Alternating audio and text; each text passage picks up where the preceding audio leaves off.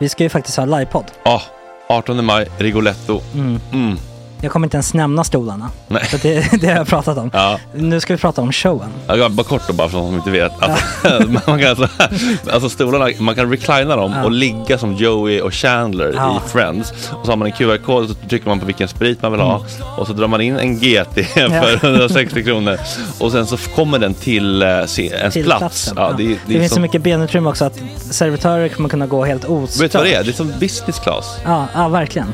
Och när vi då pratar om stolarna så kan jag också bara säga att man kan fälla upp eh, mitten, arm, armstödet, så får man en som- soffa. med sin partner. Ja, det man kan kommer bli ja, jätteroligt. Och Men vi skit kommer också i ha, stolarna. ja, vi kommer också ha typ två fotbollslag på scenen. Ja, det kommer Alltså. vara, alltså det är svårt att rabbla upp alla i huvudet nu för det är Startelvan. så många. Ja. Men alltså Mattssons massaker, tänk dig den live. Mm. Jo, Jonas Dahlqvists frågelåda. Mm. Ekis, Lady Damer. Vi har Fanny Svärd, Marve. Tora, Tjejnytt gör comeback. Det är, ja, det är på en nivå av mycket folk. Ja, det kommer bli, ehm, det kommer bli något helt annat. Någonting man aldrig har sett på Nej. en scen tror jag. Vi kommer ha allt. Allt kommer finnas. Cirkus och Cirkus. Och det, det som är skönt med, med de där slutna rummen är också att man kan ju faktiskt ta upp saker som man ibland känner att det här kan man inte riktigt ha ute i etern. Nej. Men om Sanna Dollan har fått någon invit från någon gift känd man så kanske man kan lägga upp det på en bioduk. Ja, Alltså vi har tillgång Fotoförbud. till... Fotoförbud. Exakt, vi har faktiskt tillgång till bioduken. Mm. Alltså, gott snack upp på stora bioduken. Mm. Det är något nytt. Missa inte det här. Nej, det kommer bli otroligt kul. Biljetterna på filmstaden.se. Eh, ta med en god vän så tar vi Mm. med oss Johan Rabaeus. Exakt. och det kommer också vara, det, det är så mycket Förfest, det förfest i Ja. den här eh, Rigoletto-baren. Det kommer vara en hel dag. liksom. Det kommer vara en hel dag. Ja, och sen det är såklart alkohol, allting bara beställ in till platserna ni sitter på. Ni kommer liksom vara så bekväma, ni kommer ha kul. Är förfesten bara för Patreons eller? Ja, vi kan kika på det. Vi får kika på Ja, det. det kommer en hel dag i alla fall och så Det blir det någon slags efterfest också. Ja, gud ja. Mm. Vad är en Gott Snack eh, livepodd utan efterfest? Gud, det kommer bli så kul. Så länge sedan vi hade livepodd. Ja, det ska Längtar. bli skitkul. Ja, vi ses där hörni. Men, vart köper man biljetterna? Filmstaden.se. Ja, in och köp. Vi Sök på Gott Snack där bara. 18 maj. Puss, hej. Hej.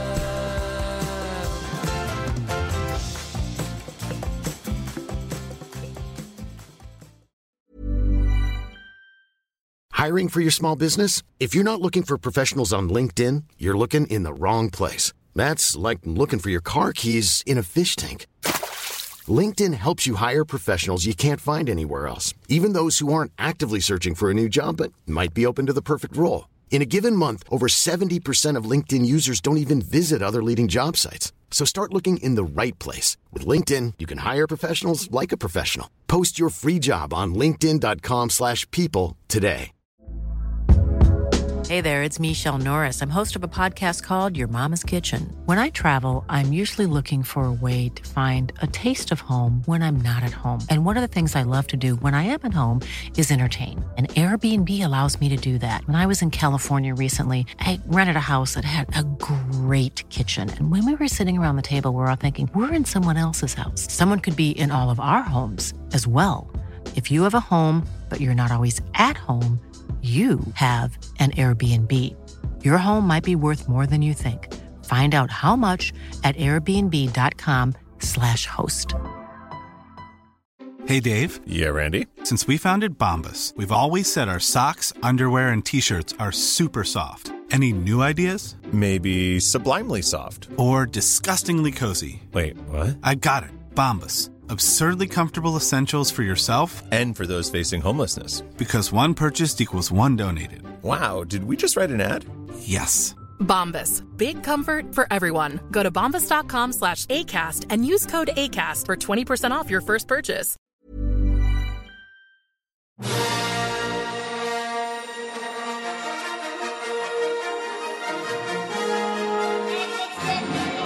Ja, det är onsdag 29 november. Idag Caroline Lund forskar på det intrikata fenomen som är det israeliska propagandamaskineriet. Jonathan Matchnik svensk människorättsjurist boende i Israel om min och Gott Snacks eventuellt aningen onyanserade bild av Israel. Jag tappade lite grann där. Sen så kommer en annan person som tappade, Cyril Hellman, aktuell med en ny diktsamling. Och det blir lite känslosamt när Cyril ryker ihop med den lite mer affektreglerade forskaren Caroline. Jag tvingas läxa upp Cyril ordentligt kring hans ton mot kvinnan i rummet. Och då fotbollspanelen som spårat Hammarby vinner SM 2024. Ja, nej, det är inget skämt. Detta är Jonas Dahlqvist exakta ord. Nationalekonomen Erik Agner om sin bok En bättre värld är möjlig. Varför är den slutgiltiga lösningen på så många problem att skatta sönder de rikaste? Och så är Thomas tillbaka som sidekick och på ett otroligt jävla humör. Mamma Söderholm också med första halvtimmen. Hinner inte säga jättemycket. Men hon har eventuellt ett jobberbjudande till Thomas. Vad trevligt va? God morgon, god morgon, god morgon, god morgon. Tjena tjejer!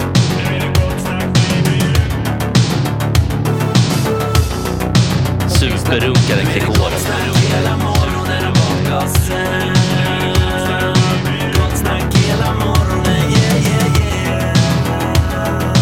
Det är inte okej. Det här är en fläckmussero. Uh, don't continue please. Det är Gunilla, det är Thomas, det är August, det är Ploy. God morgon. God morgon. God morgon. Det- Har Thomas och Gunilla träffats någon gång? Nej, Nej, det är, det är inte så. hon, hon trodde att hon kände igen mig men det var någon fritidspedagog du- som hon hade erfarenhet av. Va? Nej, du, Eller vad var Hampus Källmor för detta gästbokar Hampus styvpappa Anders. Ja, mannen som styrde upp din storebror Max. Vi har honom allt att tacka för. Ja, det där är något slags narrativ som har löpt genom den Söderholmska släktsagan. Som jag inte är helt... Eh, jag vet inte om det är helt sant. Men han var en bra eh, kraft i Max liv på, eh, grund, i grundskolan kan man Ja, säga. men alltså Max var ju en mycket, ska säga, vild och nyfiken själ. Mm. Han var inte särskilt intresserad av att sitta tyst och, och fint i bänken när Gun, någonting hette den där läraren. Gunhild Ja, men det var en- Gun eller vad Ja, och det var en människa som borde ha stått i biblioteket istället. Inte som uh, people's person. Nej, nej, nej, hon var helt eh, god, men alltså hon ringde mig på kvällen. Åh Gunilla, jag orkar inte. Åh. Ja, men då får vi ta ett möte, så här kan du inte göra, sitta och ringa mig på kvällen. Eh, Hur som helst så sa jag då, så här, då får vi väl ordna någon sorts ass- assistent och så det blir bra för alla. Ja. Och då kom Anders in och jobbade i klassen med Max. Ja, ja, ja. Och det som blev- en speci- special, special Ja. eh, bara för honom. Ja, och det blev här är ju så ganska bra. vanligt idag. eller? Ja, det är ju väl mer vanligt än Men på inte. den tiden så kanske det var lite stigmatiserat att en dampunge skulle ha sin egen assistent, eller? Alltså jag kan ju säga att han behövdes ju för fler där. Ja, det kanske var så. Ja, men hur som helst, tack Anders. Ja, verkligen. Thomas, hur mår du? Jag mår bra. Ja, du ser jättevälmående ut. Ja, jo faktiskt. Hälsan är på i högkonjunktur. Ja. Vad gör du nu för tiden? Varför hör du aldrig av dig? För Nej, jag, vad gör jag? Nej, Jag, jag gör inte så mycket. Jag letar nytt jobb. Mhm. Eh, ska hitta något som jag står ut med i längden. Skicka, skick, vi skickar ut en platsannons här då. Vad är, Ja. vad, vad är det för ehm, kriterier? Egentligen bara att jag, jag, min eh, väldigt brokiga erfarenhet och bakgrund kommer till nytta. Eh, men eh, eh, och att det är lite anpassat efter, efter att det ska vara ja, funka för mig. Men jag vet inte, jag vill inte tillbaka i mediasvängen som jag tillbringat större delen av mitt liv. Nej. Eh, Den känner inte så nykter. Nej, det, det, det blir lätt lite för. Det ska vara lite stabil planering på arbetet. Och, Ja. jag, vet inte, jag jobbar gärna med yngre människor. Med vad? Med yngre Ja människor. men det, jag headhuntar honom direkt här. Mm. Ja, ja, just det. lysande, då får vi prata om det. Ja, Du behöver um, fler knasbollar. Kanske? du? Eller? Du kanske behöver fler knasbollar? Nej men vi behöver, jag tror att det, det skulle funka jättebra. Till vad då? Nej men jag jobbar på så kallad, nu kallas det för anpassad skola. Ja, ja. Barn med olika diagnoser. Och det ja men det ni- låter jätteintressant. Ja. Den sektorn är precis vad Ja. jag eh, fix, Jo, fiskar efter. jobba i herrgårdsmiljö i Årsta med hjortar på tomten, eh, biodlingar, höns, Ja, det, det låter lysande. utflykter, grilla, musik, måla. Det är Ja, men det är taget. alltid lyckas hamna i mammas jobb. Men Eh, nu ska Men vi det prata låter med... Ja, det Ja. blir bra. Jonathan Matchnick, svensk människorättsjurist boende i Israel. God morgon. God, eh, god morgon. God morgon. Hur står det till? Eh, det är en sån där fråga som de senaste två månaderna har varit ganska svår att svara på. Eh, det känns lite som de senaste veckorna som att man hela tiden vill gråta. Eh, man springer eh, framåt för att fortsätta eh, livet i allting som är jättekonstigt. Försöker le, men är fast i någon slags känsla av krig helt enkelt. Jag, jag känner att jag såklart som naiv svensk aldrig känt krig innan och nu får jag verkligen uppleva det. Och det, det är någonting helt annat än, än, än vad man kan föreställa sig även om det är allt hemskt som man också tänker sig. Mm. Hur hamnade du eh, där du bor? Eh, jag hamnade i Israel för fem, sex år sedan. Jag gjorde praktik på svenska ambassaden. Jag träffade min kille eh, som är Israel. Jag eh, har också lite släkt och mm, kopplingar hit sen innan men jag hade aldrig tänkt att jag skulle flytta till Israel. Det var inte min plan men kärleken tog mig hit och nu bor jag här i en by strax norr om Tel Aviv tillsammans med min kille och vår fyraåriga son. Mm. Vad hade du för tankar kring Israel innan du flyttade dit och vad har du för tankar om Israel idag? Um, ehm, ja, jag tror att jag alltid har förstått att det, allting är... Alltså nu, nu frågar du bara, bara om Israel också, men och bara Israel i sig själv utan, utan konflikt, utan eh, regionen, utan Mellanöstern är komplex, komplex i sig själv och väldigt, väldigt svårt att förstå på många olika sätt. Jag tror också att det finns väldigt många olika Israel att, att, att lära känna, förstå, eh, tycka, tänka om och kritisera. Eh, men jag kan tänka säga att det, de senaste fem åren har jag lärt mig extremt eh, mycket mer än vad jag visste innan. Eh, även om jag långt ifrån känner mig fullärd eller faktiskt alltid förstår exakt vad som pågår runt omkring mig. Eh, Hade du, hade du fördomar? Eh, ja, det hade jag väl. Alltså, nu ska jag säga att mina föräldrar hade bott i Israel eh, innan jag föddes. Min mamma hade bott i Israel i tio år, min pappa i sju år. De träffades på, på stranden i Tel Aviv, även de är två svenskar. Och sen flyttade de tillbaka till Sverige eh, innan jag föddes. Och de, så de flyttade tillbaka också av, av, av en anledning och jobbade här mycket, hälsade på. Jag hade farmor och farfar som bodde här i vissa delar av året. Och så, så jag hade ändå varit här mycket, men som svensk och svensk jude så hade jag mest varit här i augusti. Det är fruktansvärt varmt, man känner sig oerhört svensk eh, och oanpassad. Eh, så jag ändå eh, jag känner kanske ett annat Israel eh, nu när jag har bott här än, än, än vad jag kände innan. Mm. Vad, eh, vad tycker du skulle kännas intressant eller meningsfullt att, eh, att prata med, med den extremt pro-palestinska morgonpodden Gott Snack? Eh, alltså så här, jag, jag, jag, jag skrev till dig Fredrik därför att jag känner jag har följt dig ganska länge, jag har lyssnat på Gott Snack och dina andra projekt och sådär. Mm. Och jag ser, eh, och, det, och mycket intressant som du delar om väldigt många ämnen. Och jag brukar inte känna igen dig som väldigt ensidig, jag brukar känna igen dig som ganska genomtänkt och ganska eh, Alltså att du lyfter många olika perspektiv och du alltid har en nyfikenhet. Och helt Mm. plötsligt så kände jag att du faktiskt saknar den. Om jag får vara kritisk. Ja, och då vill jag ja. ändå säga att jag, jag inte kommer från jag skulle inte kalla mig pro... Alltså jag bor här och det är klart att jag eh, inte är objektiv och, och, och jag är jude och alla de olika sakerna men jag är verkligen inte en av de här eh, som skulle kalla mig, jag är pro-israelisk och eh, allt som Israel gör är fantastiskt och bra. Det är verkligen inte därifrån jag kommer.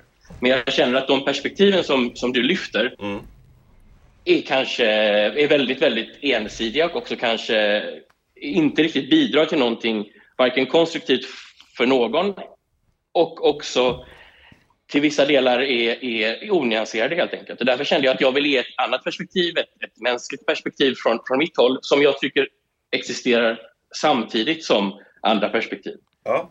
Skitbra ju. Eh, Och det är det som är, så, det är, det som är så, så extremt svårt här och som jag ändå känner mig själv så ödmjuk över och känner att det kan saknas ganska mycket följer den svenska debatten är att man kan samtidigt se alla barn som dör av bomber i Gaza samtidigt som man kan se eh, de israeliska gisslan, eh, 7 oktober, hur ska Israels säkerhet se ut framöver och sådär. Mm. Eh, det var det jag tänkte. Ja, absolut. Eh, det, det kan vi nog tror jag. Eller? Vad säger Ploy?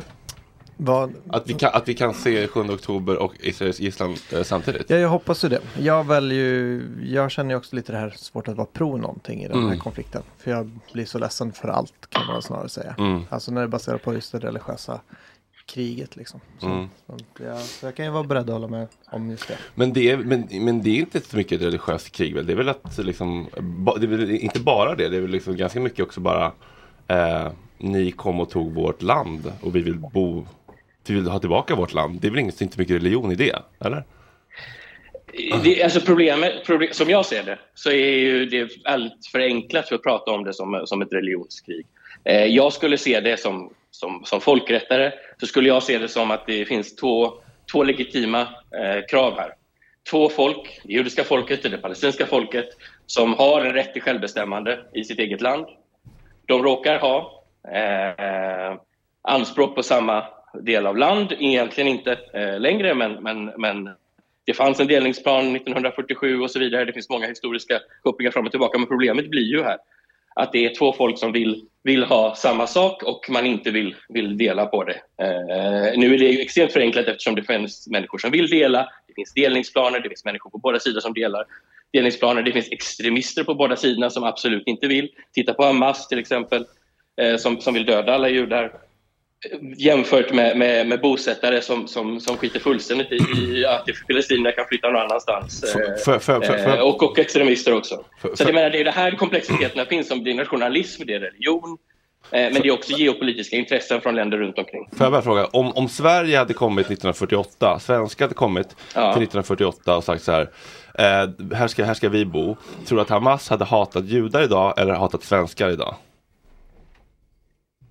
Eh, Jag tror att jag, jag, nu, det är en historieskrivning som jag inte håller med om eftersom FN 1947 röstade om en delningsplan. Det var inte så att judarna bara kom och sa här ska vi bo. Nej, men om, om, om, om, FN då hade sagt att eh, kom och ta över här, svenskarna.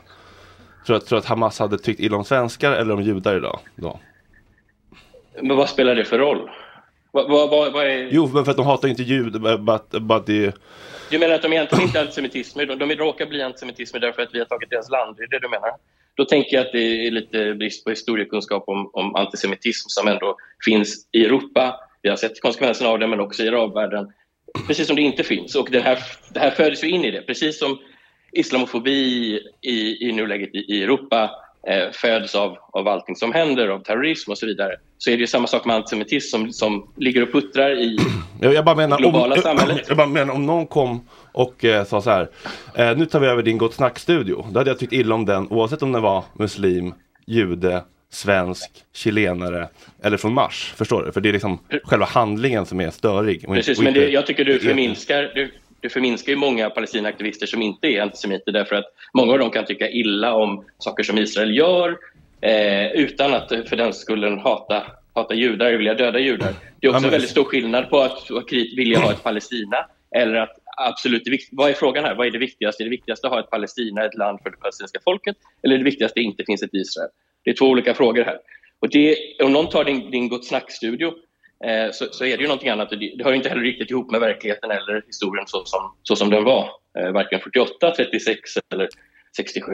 Men eh, hur, eh, hur ser du en, eh, kan du se en tvåstatslösning? då? För jag pratade med Gabor Mates son Daniel Mate som var så här eh, Mm. jag, jag, ser, jag ser inte riktigt en tvåstatslösning. eh, jag tycker det känns mer rimligt rent logistiskt med en enstatslösning. Men hur tänker du? Jag tänker att det är... Eh, jag tänker så här. Jag tänker att eh, jag tror att det kommer krävas att det finns en palestinsk stat. Det kommer krävas att det finns en judisk stat. Eh, annars förloras hela poängen med att ha en judisk stat, att ha, ha Israel. Eh, vilket jag tycker är ett värde därför jag tycker att judiska folket, precis som det palestinska folket, har rätt till självbestämmande. Och eh, därför så är en enstatslösning, det skulle inte, inte garantera det här. Det skulle inte garantera en, en stat för, för palestinierna, det skulle inte heller garantera en stat för, för, för, för judarna eller för till exempel för den, eh, de andra minoriteterna i Israel som faktiskt vill tillhöra Israel eh, och inte något annat land heller för den delen. Mm. Men får, får jag Ehm. fråga en sak? Ehm, alltså, tycker du inte väldigt stor del av konflikten handlar ju om historiska oförrätter och vad som är liksom ens historiska rätt. De röster som talar om det framtida, sen fredsprocessen, Osloavtalet och sånt där sprack. De, de är ju väldigt svaga, de som faktiskt är beredda att lägga historien bakom sig och se framåt. Känner du inte igen det resonemanget? Och det förstärks av grupper som Hamas som ju inte är representativa för majoriteten av palestinier. Det vet jag inte. Det kom ut en studie igår, eh, en arabisk studie som visade att eh, 75 procent av den palestinska befolkningen på Gaza och Västbanken stödjer Hamas och stödjer aktiviteterna 7 oktober. Det är ändå viktigt att säga, en vetenskaplig studie inte gjord av Israel. Men för att återgå till det viktiga. Jag tror att lösa de historiska knutarna, historiska oförrätter. Eh, just nu så tror jag att, att, att, att vi inte är där, precis som du säger. Samtidigt ser jag utvecklingen i Israel som är oerhört positiv bara på de fem åren jag har varit här. Där när jag kom hit så var fredsrörelsen i princip utdöd, det fanns en politisk trötthet i det israeliska samhället. Netanyahu styrde och ställde allting. Vi hade senaste året sett en, en proteströrelse för israelisk demokrati som också är tätt kopplad till idén om att vi måste ha ett, ett, ett demokratiskt judiskt land som lever i fred med våra grannar. Att det är en tydlig koppling till den här proteströrelsen och att det finns ett politiskt uppvaknande som också kopplas till det här. Och Det ser man ju bara tydligt på hur, vilken roll militären spelar det här. Alla israeler måste ju skicka sina barn och göra militärtjänst i två, tre år. Och det är ju någonting som såklart de flesta inte, inte vill och känner stor oro för och när det då finns en politisk ledning som man ser inte, inte leder mot, mot fred eller mot, mot mer fredlig utveckling eh, så är det många som ställer sig den frågan. Det israeliska samhället är dock oerhört splittrat. Det finns ju som sagt eh, bosättare eh, och den bosättarideologiska gruppen som, som är extremt emot en fredslösning och som bara vill, vill, vill ta, ta mark. Men, men de är ändå en minoritet även om de ingår i, i, i regeringen nu. Därför behövs det till, det jag säger är att du behöver ha ett maktskifte i, i Israel. Det är det som måste till. Ja, det, det var bra. Men, men, men känner, du lika starkt som jag såg någon bosättarkvinna igår som sa så här This land was promised to the Jews by God. It's true that in course of history uh, Arabs came to this area from all over but the promise of God is more important. Är, är du lika liksom så eh, övertygad om att, att Gud har gett judarna det här landet? Eh, en gång Eh, nej. Ja. Nej, det är jag inte. Och jag tror att skulle du fråga gemene, alltså skulle du fråga religiösa judar så, så, så, så skulle du få ett annat svar kanske. Men, men eh, om du frågar israeliska Israel, det som jag känner, så, så, så är det inte det svaret som, som kommer ges. Det som ges är att man kommer säga att Israel är, Israel är det historiska hemlandet för, för judarna och här har vi en rätt att, att, att, att, att vara. Det betyder inte att Vad innebär, det, området- vad, vad innebär det historiska hemlandet? Alltså innebär det att liksom där, vi var här ännu mer först innan ni bodde här? Eller liksom, vad menar man? Ehm, det innebär att judar har funnits i det här området i, i, i tusentals år och, eh, och eh, att det har varit vårt enda ställe där man har faktiskt har haft ett, ett eget land och ett, eh, därför så finns det en naturlig fortsättning eh, på det. Det innebär ju inte att man säger att vi ska ha exakt de landområdena som man hade då, för den kartan som fanns då har egentligen inte så stor koppling. Den är överlappande med den Ja. kartan som finns, Men, men, finns men, idag. men, men hur hade du känt om det kom någon, någon, någon ny, någon, någon från typ Mars och bara Vi var här, än, vi är ännu mer historiska än judarna. Vi var här liksom innan ens liksom jorden fanns så var vi på den här delen av universum. Eh, så att vi har historiskt rätt att vara här, så nu får ni flytta på er. Hur hade du känt personligen? Alltså, nu- jag delar inte att historien var exakt så som du säger, att det bara kom människor som damp ner helt plötsligt och, och tog någon annans Eh, land. Eh, det var mycket mer komplext eh, än så. Det fanns judar eh, som bodde där också. Det är inte bara så att de försvann och sen eh, kom tillbaka. Jag tänker också att det är ändå 70 år sedan. Vi nu har ett brinnande eh, krig som just nu har vapenstillestånd. Just nu så vet jag att det var nya våldsamheter i, i norra Gaza. Vi har gisslantagna jag tänker att den här historiska diskussionen den kan man vältra sig i. Men, men, men, och den, den är viktig att diskutera både teoretiskt och, och praktiskt. Och den är kanske viktig också i en kontext av en eventuell fredsuppgörelse. Men, men frågan är vad, vad, vad, vad, vad den här diskussionen just nu, vad, vad, Nej, jag vad ska den leda till? Israel, Israel finns, om, om, om, om andra ledet och det finns i att Israel därför måste försvinna.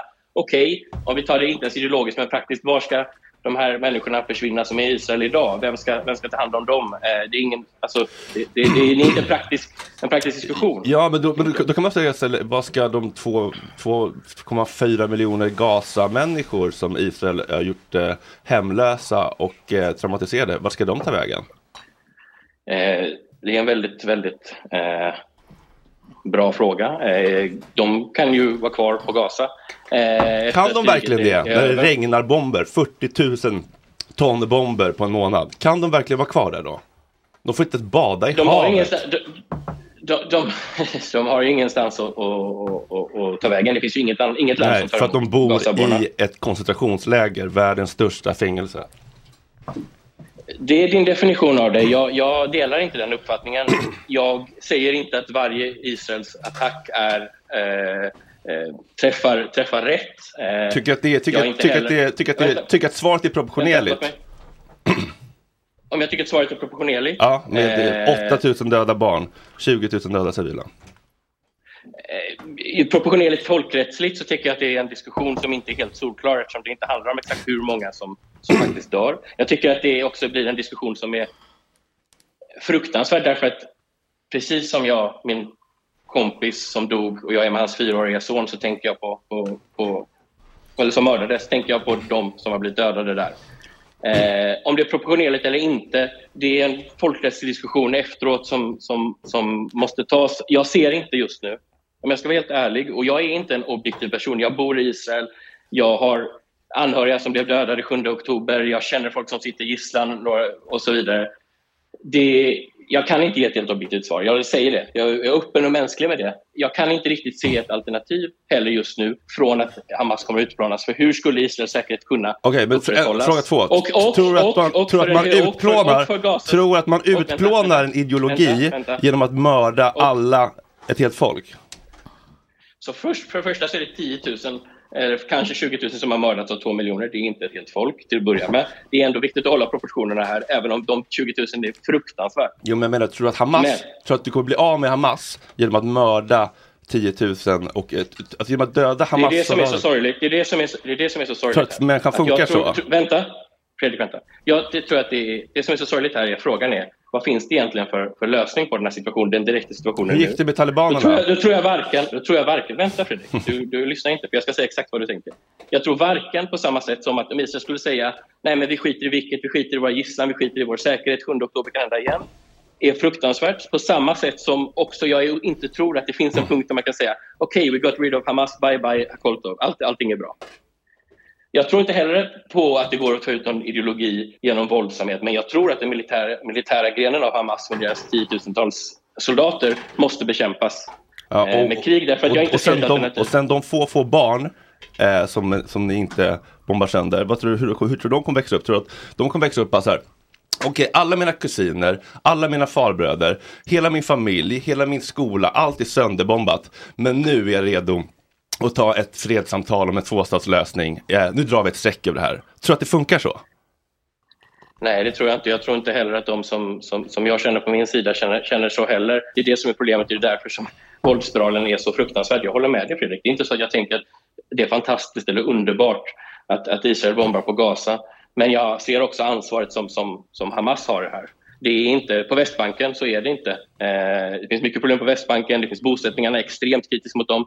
Men, men det finns ingen terrororganisation där som, som behöver bombas eh, på ett sånt sätt som, som det gör eh, på Gaza. Och vet du vad det värsta är?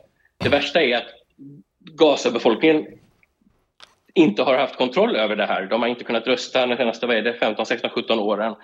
Eh, Hamas styr som diktatorer och de flesta är ju underåriga, är födda efter det, eller nästan hälften är födda efter det. Det är fruktansvärt, det är en Och fruktansvärd ändå, situation. kan du Jag säger ingenting att de och, och, och ändå kan du inte fördöma att 20 000 av dem har bombat sönder.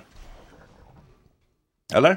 Om jag kan fördöma, jag, Ja. jag, jag, jag kan säga att jag hoppas att de inte hade blivit mördade och dödade. Det tycker jag absolut, jag tycker det är fruktansvärt. Men Varje lite svinn får man räkna med. Lite svinn får man räkna med.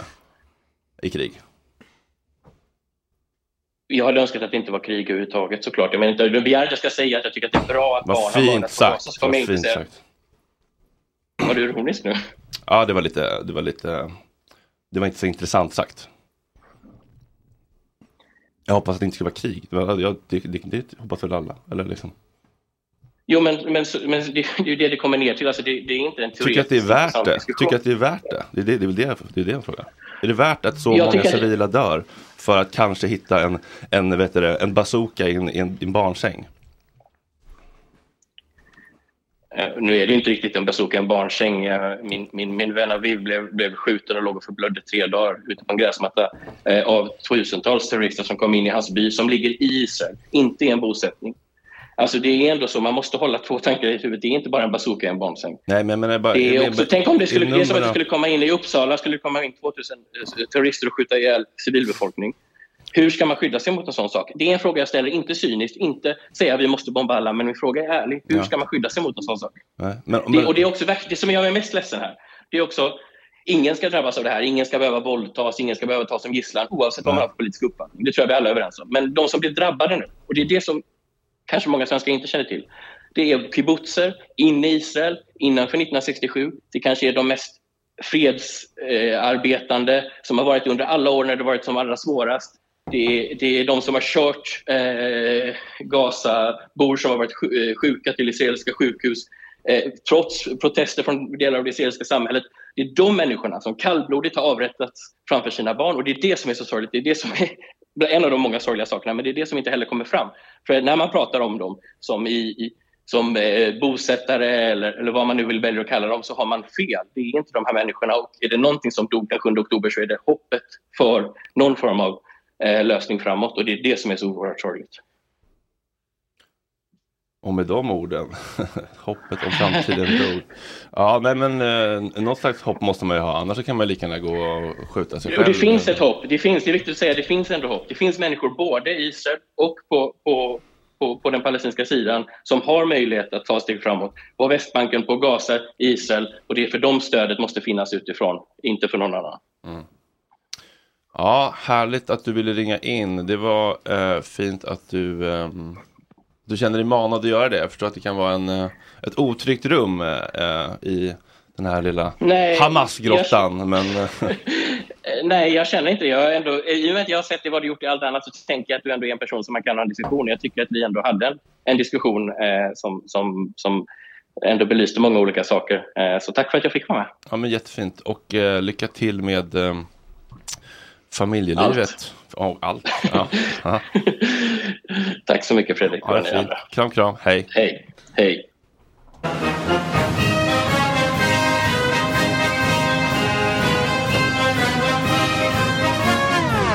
Ska det bli fotbollspanel? Eller? Från det ena till det andra. Väntar vi på en till eller? Ja, hon har försovit sig tydligen. Ja, Okej, vad härligt. Jaha, har det hänt något i bollarnas värld? Eh, ja, oh, det har det väl gjort. Berätta. Ehm, eh, det, det händer egentligen, eller det är ju ständigt pågående, men ska vi prata det som är oss närmast här, nämligen eh, vår svenska fotboll, så är det ju att det är vinteruppehåll och då vet du vad, då blir det ju det roliga när alla ska bygga om. Och så blir det alla de här förväntningarna. Det är massa nya tränare, nya spelare. Eh, den ska bort, den ska flytta, vi vill ha den där och så vidare. Det som heter silly season. Mm. Det är roligt. Och då sitter alla och bara spekulerar och hittar på. Mm. För att ha någonting att göra och kunna, Ungefär så. kunna liksom, eh, be- berättiga en lön även när det inte sparkas på bollar. Exakt, exakt det som sker. Eh, för nu är det då sportchefernas stora säsong har börjat nu. Mm. Eh, I måndags tog själva riktiga säsongen slut. Brommapojkarna hängde kvar i allsvenskan. Alltså Genom- hur, hur gick den andra matchen där? hur den gick? I kvalet? Ja, den blev 0-0. 0-0? Ja, jag var där. En- in- Ja, jag såg det. Mm. Pallade du med strömavbrottet? Ja, jag var så illa tvungen tyvärr. Eh, det var strömavbrott i hela västerort, eh, så en timme eh, blev det uppehåll mitt i den här helt betydelselösa kvalmatchen eftersom BP hade vunnit den första med 7-0. Så skulle den bara spelas av, så ingen ville ju vara där. Absolut ingen. Och då blir det strömavbrott en timme för säkerhets skull också. Var, det, var, var det någon kvar på läktaren Ja, det var väl eh, ett hundratal, ja hundra kanske. Hundra pers. totalt? Ja, det skulle jag bedöma det som. Eh, värdelöst. Men nu börjar i alla fall liksom det här, eh, och det går inte riktigt att jämföra med någonting annat i företagsvärlden eller politikervärlden eller någonting, utan att helt plötsligt under två, tre månader utav eh, året. Fast det kan ju påminna om politikervärlden med tanke på all desinformation. Ja, det kan, det, men den är ju ständigt pågående så att säga. Här är det ju, det är väldigt konstigt att du får bara köpa och sälja under vissa öppna fönster. Du har en månad eh, på sommaren och du har tre månader på vintern, ungefär. Eh, i, I runda slängar. Och det är då man får byta ut saker. Tänk dig ett annat företag. Tänk om jag sa till dig Fredrik att det är jättebra att, eh, synd att din dator har gått sönder här i mars. Men du får inte köpa en ny förrän i augusti. Eh, det är en lite märklig sak. Så det, nu är det shoppingsäsong. Mm. Det är ganska kul. Det Och så får man se skitkul. vad det blir utav allting. Mm. Eh, och eh, till exempel Agge där sitter ju och hoppas på ny tränare och fem nya spelare. Och, och Det, det kommer ju komma en ny tränare. det kommer komma en ny tränare Ja, eftersom de att inte har Kim någon då, Hammarby. Vem tror du? Det blir Kim Hellberg. inte Norge, inte Norge. Nej, jag tror på Kim Hellberg. Jag såg att Jonas har, brukar också tippa allsvenskan typ nu. Ja, Eh, vilket- direkt när kvalet är ja, klart. Vilket är ganska kul. Ja. Eh, och är det första gången du tippar Bayern etta eller? Nej, det har jag nog gjort någon gång tidigare under 20 år, men... men eh, Rör du alltid upp så här mycket känslor? ja, alla Lika- blir jättearga när jag tippar saker. alltså ett tips. Är Folk tips. måste ju se det för vad det är nu också. Nej, det gör de inte. Fattar folk att det är ett skämt liksom? Nej, nej, det är inget skämt. Jag tror ju det här nu. Du tror att Bayern vinner? Ja. Varför? För att de kommer få in Kim Hellberg och jag har hört några utav namnen som de kan köpa och till nästa, till sommaren också. Oh. Och då tänker jag att det kan räcka. Jag fick nästan lite gåshud nu. Eh, och de har inget Europaspel. De eh, har två stycken unga spelare som bör kunna bli bättre. De har eh, en handfull sådär, spelare i, i jämn bra ålder som du vet, 27-åringar. Mm. Som, som kommer kunna spela hela tiden. De har Nahir Besara. Eh, så får de in tillräckligt bra på de övriga positionerna då kan de absolut eh, slå Malmö som ju får ett Europaspel och kommer gå in i Europaspel. Mm. Eh, eftersom de är högre rankade än alla andra. Det är jättelätt för mästarna om de har en hög Uefa-poäng att faktiskt i alla fall få ett Conference League-slutspel. och då Mm. kommer det bli helt plötsligt 20 matcher mer för Malmö. Mm. Det här hade ni inte mycket att säga Vad om har ni för relation till, eh, till Malmö. Eh, jo, jag är, har en engagerad relation. Jag är en mycket engagerad AIK-are. Jaha. Det gör mig illa det du förutspår om Bayern. Ja, men jag jag tror för- att du föregår hela vinterfönstret och vad som kommer hända där. Det är väldigt modigt att så här Ja. tidigt komma med några förutsägelser. Ja, men det, det är väl det som är grejen, att det kommer, alltså AIK kommer också handla fem eller sex nya. Eh, dessutom startspelare. Eh, där, där kommer det hända jättemycket. Så Ja. att det, det blir en, en stor sak och så vet man inte vilka de är. Men det sjuka är att det spelar inte så stor roll vilka de är. För AIK är eh, tillräckligt stora och i det långa loppet så kan det egentligen alltid bara titta på intäkter och omsättning. Och då ser man ungefär hur det ska gå. Sen slår det där fel Ja. lite då och då.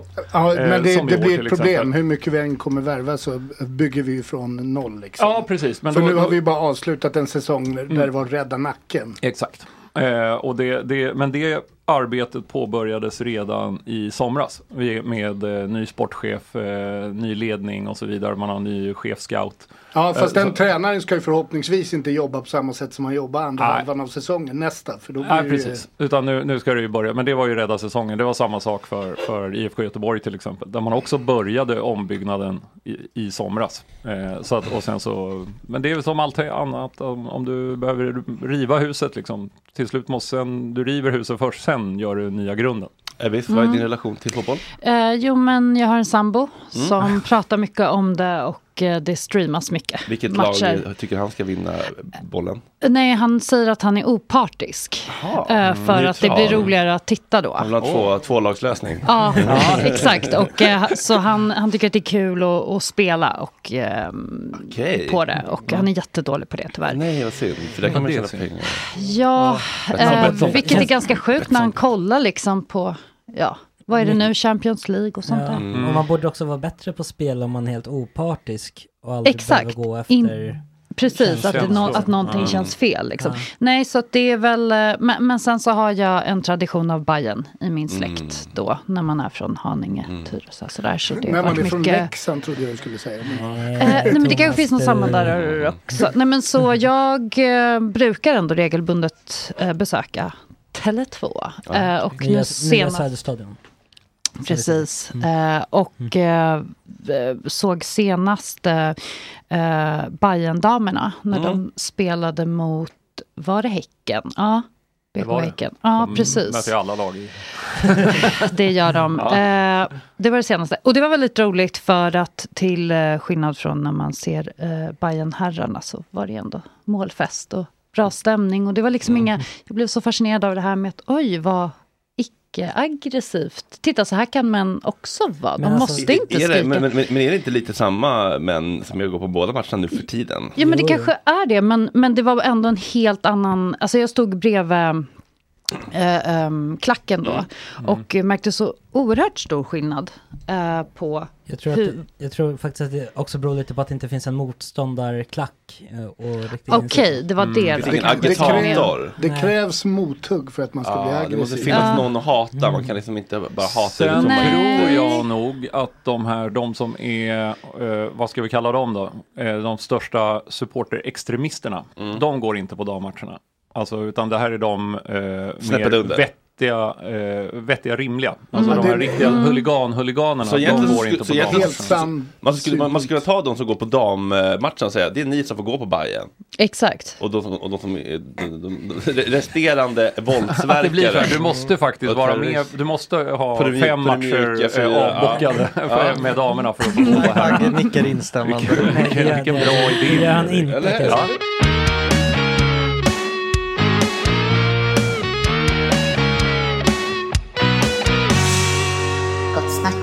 Erik, Ja. eh, berätta om den här boken som heter En bättre värld är möjlig. Vad handlar den om? Varför behöver den skrivas? Och vem är du? Jag heter Erik Agner, jag är professor i praktisk filosofi vid Stockholms universitet. Jag är också nationalekonom. Och den här boken grundar sig i någon slags frustration lite med inställningen till vetenskap generellt. Så vi lever ju i en tid av liksom allmänt vetenskapsförakt och faktaförnekelse och sånt här. Och det gäller inte bara vaccin och klimat utan det gäller också, menar jag, nationalekonomin. Det finns väldigt mycket negativa inställningar till nationalekonomin, kanske framför allt i vissa vänsterakademikerkretsar och sånt här. Och det är synd. Vad, vad menar du med kritik från över? Det finns idéer om att nationalekonomin inte är någon riktig vetenskap, att nationalekonomerna bara är liksom köpta, köpta lobbyister för storföretagen och att de generellt orsakar finanskriser och eh, klimatförändringar och sånt där. Och det finns Where's ju the lie, Erik? det finns nationalekonomer av alla de här slagen. Mm. Alltså, men sen finns det ju också en vetenskaplig ansats till stora problem. Där nationalekonomin hela tiden sedan första början, alltså för 250 år sedan, har varit inriktad på att lösa problem.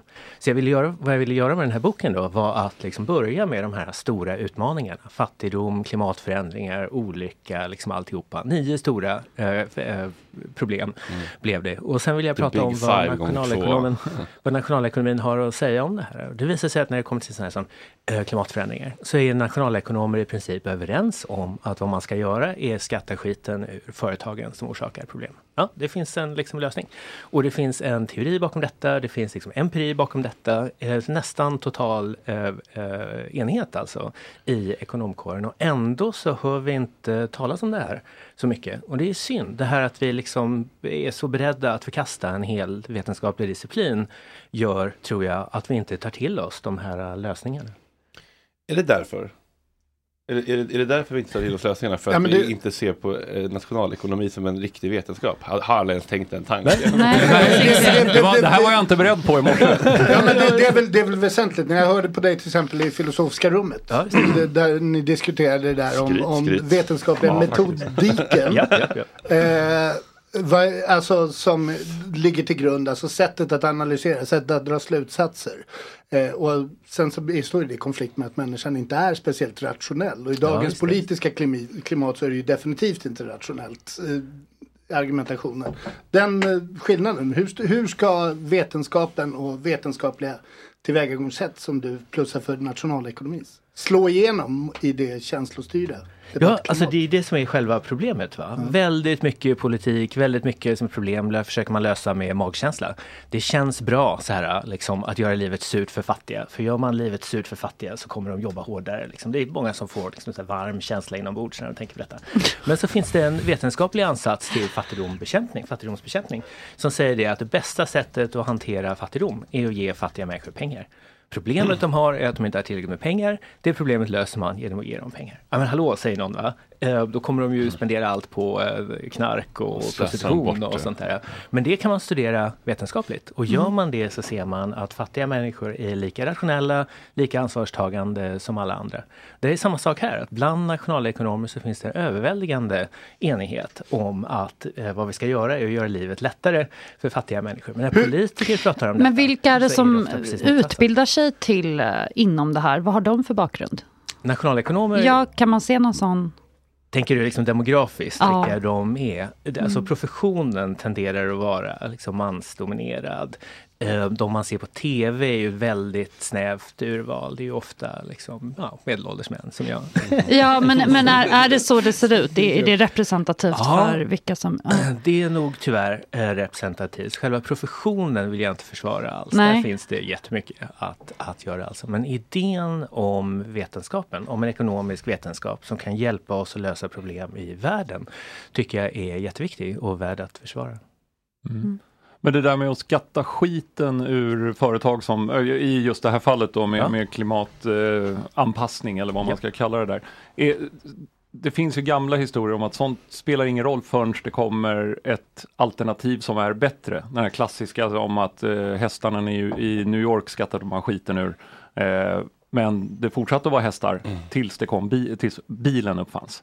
Då försvann liksom hästarna på tre Man sekunder. kan skatta skiten ur Hamas men tills det kommer ett bättre alternativ. Mm. Ja, precis. IRA kommer Men jag måste fråga. Ja. Men vad, är, vad, ska man, nej, men det var tanken är alltså så här, ska man tvinga fram ett sånt paradigmskifte då eller en, tvinga fram en ny ordning eller en ny uppfinning? Alltså, I Eh, någon mening så är ju paradigmskiftet redan på väg. Alltså Mm. priset på solceller och sånt där har ju sjunkit våldsamt. Det finns ju mer och mindre klimatvänliga alternativ. Och sätter man skatt, punktskatter då på de mindre klimatvänliga så kan folk växla till andra alternativ. Mm. Men sen är ju tanken också då att genom att göra det dyrare att förstöra klimatet så ska man minska förstörelsen generellt. Och sen ska man då stimulera till innovation. Så de här bilarna då, det är mer sannolikt att folk investerar i innovation om det finns ekonomiska incitament att göra det. Så länge Mm. som det är Fast- billigt. man tvingar fram en uppfinning, liksom. Man tvingar ja, fram den. Man, Ja. men jag, jag- vill inte använda ordet tvinga just för att det Ja. är inget mandat. Va? Ja. Men detta är som alkoholskatten. Det är klart Ja. det är ingen som tycker det är kul att betala me- mer för spriten.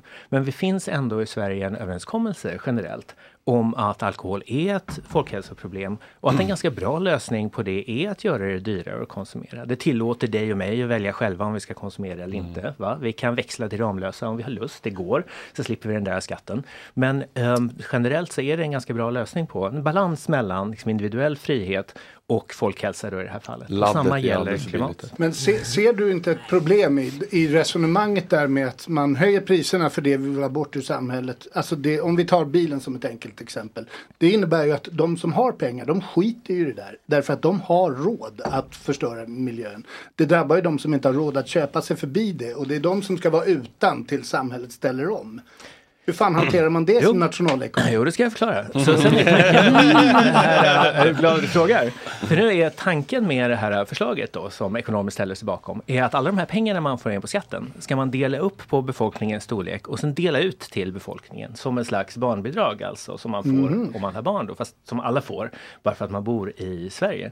Så att eh, man får pengar tillbaka eh, som en proportion av sin andel av befolkningen, inte som en proportion till ens konsumtion. Alltså. Så de allra flesta kommer att vinna på detta. Så länge som din konsumtion är tillräckligt låg så kommer du gå plus på det här. Men de nyliberala eh, nationalekonomerna håller väl inte riktigt med om den Jo, jo fördelningstanken? precis. Alltså 98 procent eller någonting, 99 procent av nationalekonomer ställer sig bakom den här idén. Ska samla in alla de här pengarna, lämna tillbaka dem till, till folket. Skälet till att de ställer sig bakom det är att på detta sättet kan man bibevara liksom, marknader. Så är du marknadsliberal så vill du inte ha ett förslag som liksom stänger eller kortsluter marknaderna. Du vill ha dem kvar. Och ett sånt här system där man samlar in från de som eh, eh, förstör klimatet och ger till alla andra. Det bibehåller marknaden.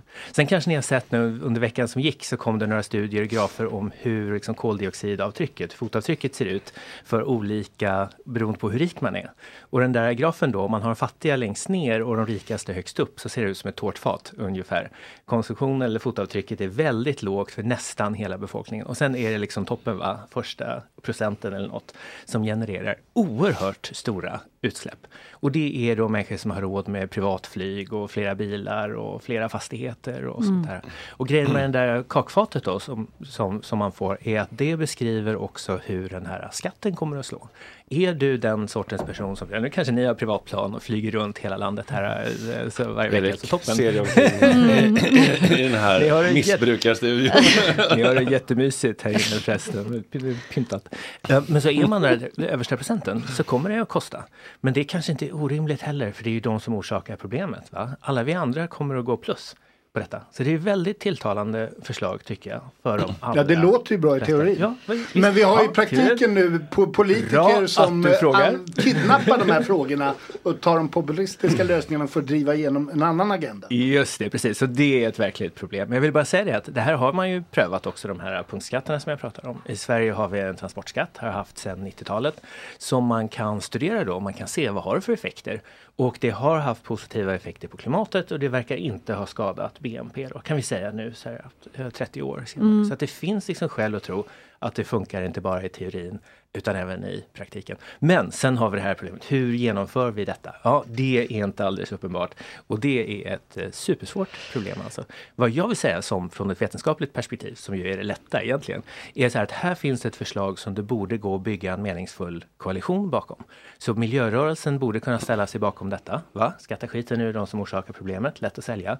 Men marknadsliberaler borde också kunna ställa sig bakom detta. Konservativa borde kunna ställa sig bakom detta på grund av att man ska skynda långsamt, man ska inte förstöra, va? vi ska ta hand om skapelsen och så vidare. Så här borde det gå att samlas. Ta hand om bakom det skapelsen, alltså jorden. Ja, Ja. jag skojar inte. Men är det de- står det i Bibeln va? Men är du sån här kristen konservativ så borde Men är inte du ta högermänniskor detta på rädda för att eh, öka skatt för höginkomsttagare? För det är deras väljargrupp. Ja, just det. Men det är ju bara en procent då, eller två av befolkningen. va? Det är en ganska liten del. Och det är de som orsakar en oerhört stor del av problemet. Men jag då som ehm, eh, har olika idéer, liksom framtiden eh, kring hur vi ska leva mer hållbart. Jag är ju eh, en förespråkare av att vi borde börja införa ransoner. På både det ena och det andra. Eh, I liksom Barn, vatten, flyg. Nej, men alltså, alltså det kommer ju bli så, förr eller senare kommer det ju bli så. Kanske inte under vår livstid, men någon gång kommer det ju behöva bli så för att eh, jorden kollapsar. Och då tänker jag liksom att det hade varit bra om man kunde börja redan nu. Att ha liksom en, en pott vatten eh, per hushåll varje månad eller liksom hur mycket man får eh, Podda. eh, podda, köra. Då är du körd. Dina minuter är slut. Eh, och, och det här kanske är liksom lite utanför ditt område, men, men vad, vad, vad finns det för möjligheter eh, att på något sätt... Skulle det vara möjligt? Det är ju möjligt. Eh, och vi har ju prövat det under olika skeden. Mm. Så under kriget till exempel, va, så fick man en liten bok och så stod det så här, du får köpa så här mycket i veckan. Och skulle man, man skulle i princip kunna ha det för alkohol. Va? Ja. Varje individ får ett litet pass där det står, du får köpa så här mycket alkohol och så köper man det och så stämplar man passet och sen är det slut. Men ehm, det här har ju klara negativa effekter. Då. Så en sak är ju att om vi hade ransonering så skulle det uppstå en svart marknad, precis som på Kuba. Mm. Där har vi liksom en stor formell ekonomi, eller en ja, mellanstor formell ekonomi och så en enorm svart marknad där folk odlar grejer, gör sprit hemma och så säljer på svarta marknaden. Mm. Samma sak skulle hända i Sverige.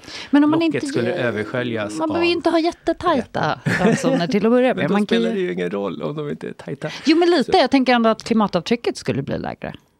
Eh, Det skulle ju som sagt, den här svarta marknaden skulle ju uppstå då. Samma sak som med narkotikan. Den har ju inte försvunnit för att vi har ransonerat den på noll. Eh, Det, där, narkotikapolitiken är ju en slags ransoneringspolitik. Men det beror på, det, det beror på hur stor noll. smärta. Om det var så här, du får bara köpa köttfärs en gång i veckan. Mm. Så man käkar taco på fredagen och på tisdagen bara, det var gott med köttfärs igen. Men nu har vi slut på ransoner. Ja men vi ringer eh, Mohammed på Wickermy och ses nere på, nere på Mm, Götgatan mm. i ett hörn och köper. Det, det kan väl inte värt. Nej. Så, så skulle det bli och så skulle det smugglas. Det går inte att stoppa. men då kan man känna, Men det är inte det- det är värt det. Då tar redan- jag Det är väl redan så i vårt samhälle att vi liksom skatter som till exempel styrmedel. Att Ja. det, där har vi behovsprövning på vissa områden. Det vill säga man får skatteavdrag om man har större behov utav att göra vissa saker. Om man tar den konkreta frågan om skatt på bensin och så här. Där det pratas Ja. om man värnar landsbygden. Men det är ju storstadsmänniskorna som kör en jävla massa bil helt i onödan. Går det inte att reglera på det sättet att de som faktiskt behöver någonting betalar mindre för det?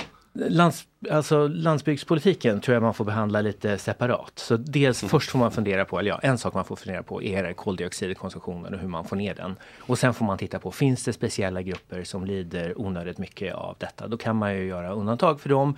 Eller så kan man ge speciellt bidrag till dem som bor på landsbygden. Och det är ju inte alla på landsbygden som kör bil heller. Det kanske är investeringar i liksom annan slags infrastruktur man, man borde Ja just det, men det finns ju många aspekter. Men det där argumentet eh, hå- hålls hela tiden. Vi kan inte ha, ta massa skatter för det drabbar dem. Och då tar man kanske en minoritet utav dem som drabbas som argument. Ja visst, ja visst.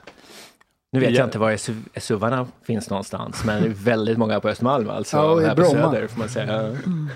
Löser inte liksom verkligheten det där själv lite grann för det är jävligt mycket billigare med en lägenhet i Degerfors än på Söder alltså. Jo det är sant. Men, så att eh, de men, har, men, där har de lite mer varje månad och, och Men- splasha ut. det, det, det är ju helt, det är helt sant. Det är billigare att leva på landsbygden på vissa sätt. Men det argumentet är ju ändå någonting som verkligen flyger i debatten. Visst, visst. Sen får man ha lite proportioner då. då. Så i den mån liksom klimatförändringar verkligen är ett stort hot så måste man ju ta tag i det. Och vi kan ju inte vara så här att vi kan ju ta ett samtal där vi bara diskuterar lösningar som alla redan gillar. Mm. Någon kommer ju tycka illa om oavsett vad du föreslår. Va? Men är det inte gränslöst att, att man, man att det inte finns några liksom påföljder av, av det här? Alltså jag menar, hur ska man hur ska man nå en förändring om det inte finns liksom, några konsekvenser av det här helt urspårade kapitalistiska? Ja, beteende. Det måste man ju lösa med politiska medel då. Om individer som vi inte kollektivt liksom fattar rätt beslut spontant så får man ju fundera på vad det finns för styrmedel. Och då är tanken att de här alltså, punktskatterna är ett ganska bra sätt att dra ner konsumtionen när man måste dra ner konsumtionen på ett sätt som ändå bevarar människors förmåga att fatta sina egna beslut och som får marknaden att fungera och så vidare. För En fråga där som du var, verkade vara inne på om att 98 eller 99 procent utav nationalekonomerna är överens om att det här är ett bra sätt och att alla bör kunna ställa sig bakom det här för att driva igenom det. Om det är så bra, finns det ändå en risk i att de som går på det först, om vi säger att det här blir ett högerargument eller ett vänsterargument, skitsamma, så kommer den andra sidan att säga nej. Är det det som är problemet, eller är det det som hindrar det? Nu, nu ska jag börja med att säga att jag kanske är lite för optimistisk här. Ja. Va? Alltså, eh, Så det är inte möjligt med en bättre värld? sina Är det det det är möjligt, inte kommer det. Eh, det, det, det, jag, jag tänker att jag tar ett exekutivt beslut nu. Det är väldigt kallt. Eh, Erik, du får ta en, en singelbild med eh, Rickard där ute och så får vi helt enkelt montera in dig i gruppbilden som vi inte vill gå ut och ta nu.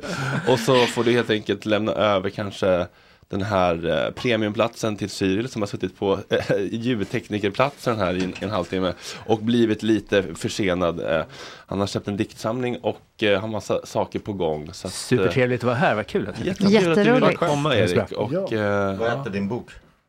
Vad heter den? en bättre värld är möjlig. Exakt. Mm, det känns väl som någonting. Slå mig så hårt du vill. Ja men precis, från det ena till det andra. Slå mig så hårt du vill. Det känns som ett... Lite, lite eh, motsatsförhållandet. ja men kanske. Um, låter som någonting man skulle kunna säga eh, i sängen om man har en eh, eventuellt lite mm. um, BDSM-inriktad. men jag har inte Nej, nej. Vänder Jag dig vill direkt. inte bli slagen, snälla. Eh, Jonas, har du någon gång blivit slagen i sängen? Nej. Eh, har, du jag någon gång, har du någon gång utdelat slag i sängen? Några små smisk kanske. Små smisk, okej. Eh, Cyril? Eh, nej, alltså, alltså titeln slår ju egentligen, står ju delvis för, i mitt fall, mer slagen av livet. Men sen så, så, ja, jag levde ju lite förvirrat här senaste åren. Nu har jag skärpt till mig, ensamstående far och gått upp på morgonen och gett frukost till min son. Kanske inte bästa frukost, snus och eh, kaffe. Men, men i alla fall, det var många tjejer som jag mötte det senaste året som, som var inne på alltså att de eh, på BDSM och ville ha stryk faktiskt. Det var några dikter, några fick jag censurera av respekt och, och lite olika skäl liksom. Men eh, jag märkte också på dem att fyra av fem hade blivit manipulerade av killar med sånt. Eh, en av fem gillade det verkligen, men då var det ju som i den här dikten Days and Confused. Hon har ju blivit strypt till döds nästan av sin bror. Så att det, det ligger andra trauman bakom. Så du tog bara Olas ex helt enkelt? eh, Ola vet ingenting om eh, i, i fråga om sånt. Förutom att jag känner hans två exfruar. De har aldrig sagt något sånt negativt om våld med honom. Och de känner jag innan. Jag känner Ola. Men, men, men i alla fall, men, men, eh, nej men så, sen kom ju det här med skuggor och sånt. Och då sa jag, oh shit, jag bestämde det här omslaget i februari. Och två ex var involverade i formgivningen. Eh, eh, konstnären sa åt att måla, för det är en tjej som heter, som, jag, jag kan inte ha riktiga namnen, liksom, som heter Anita efter, för hon ser ut som Anita Pallenberg, eh, Ståndsmusen. Eh, så jag tänkte då, ja men gör en tjej, så att konstnären med, med en bitboll som ser ut som Anita Får jag se- Pallenberg. jag se på- Jag vill också kika. Eh, då Oj, blev hon, tror jag, så irriterad att det, det blir ju manschauvinistiskt och sexistiskt och, och patriarkalt och sådär. Så hon målade två bilder, varav en tjej var sån. Och konstnären är själv blond också, så jag tror hon också vill, vill inte förknippas med bilden själv. och en bild på mig. Och den bilden på mig överträffade ju den och blir mycket bättre på omslaget. än Ja, det var schysst. liksom. så, så då körde vi på det. Eh, är, det, är, är, är det allt det där dikter? Ja, eller alltså jag- det kallas ju prosa eh, poem eh, eh, samling för att det är halva del ett. Ja, det är ju dikter, korta. Andra är ju mer som eh, ja, som blandning mellan poesi och, och, och eh, noveller. Mm. Eh, som eh, eh Knausgårds eh, kompis ringde här en dag och var helt lyrisk. Han tyckte, jämförde med Oscar Wilde. Någon annan jämförde det med kanske mindre fina Bukowski. Eh, så att, eh, men som sagt, eh, ja, de blir ju som berättelse även dikter. I, det som är dikt är en dikt, den tredje dikten. Diktsamlaren har varit ute i två dagar i handeln och filmoptioner är redan sålda för en dikt som heter Stockholm som handlar om staden. Men också då en, en person som kanske inte som lever för konsten och inte informas i 9 till 5. Men så jag menar, ja, jag vet inte när det har hänt att en dikt har sålts filmoptioner sen Strindbergs. eh, Skulle du vilja läsa upp din favoritdikt? Någon av dina favoritdikter? Nej men jag kan, ja, jag kan läsa två, jag kan, vi kan ju börja med sen när vi kommer in på Israel kan vi ta en. Men vi kan ju ta den där Stockholm. Mm. Som, eh, film, som sålde film. Jag menar det hände ju inte. Jag kan inte att det händer Bob Hansson och Elis byrå direkt. De får suga medieballor för brödfödan. Självskrivna dikter. Okej, eh, nu ska vi se. Uh, vad har vi den här? här? Där. Det här är en stad. Låt oss kalla henne Stockholm. Du har känt henne under hela din levnad. Detta blev hon. Afrikanska barn med automatvapen och handgranater. BDSM-klubbar och horhuset Astoria. Barn byter kön och knaprar Ritalin och annan amfetamin med namn vackra som italienska öar. Reklamare på elskotrar. Fascister och wokmän på estraden. Det politiskt korrekta som inte ser, men svettas som Judas. När de tänker på hur de älskade Putin och Hamas. Hatade USA och Israel. Kallade Ukraina för nazister och förnedrar sina kvinnor. Ryssar som bränner Koranen. Barn levererar ladd och ganja som Foodora-bud. Höjda rotavdrag och rutavdrag in i evigheten. Folket får betala deras bidrag genom momsen. Kuksugande poeter som drömde om Bruno K.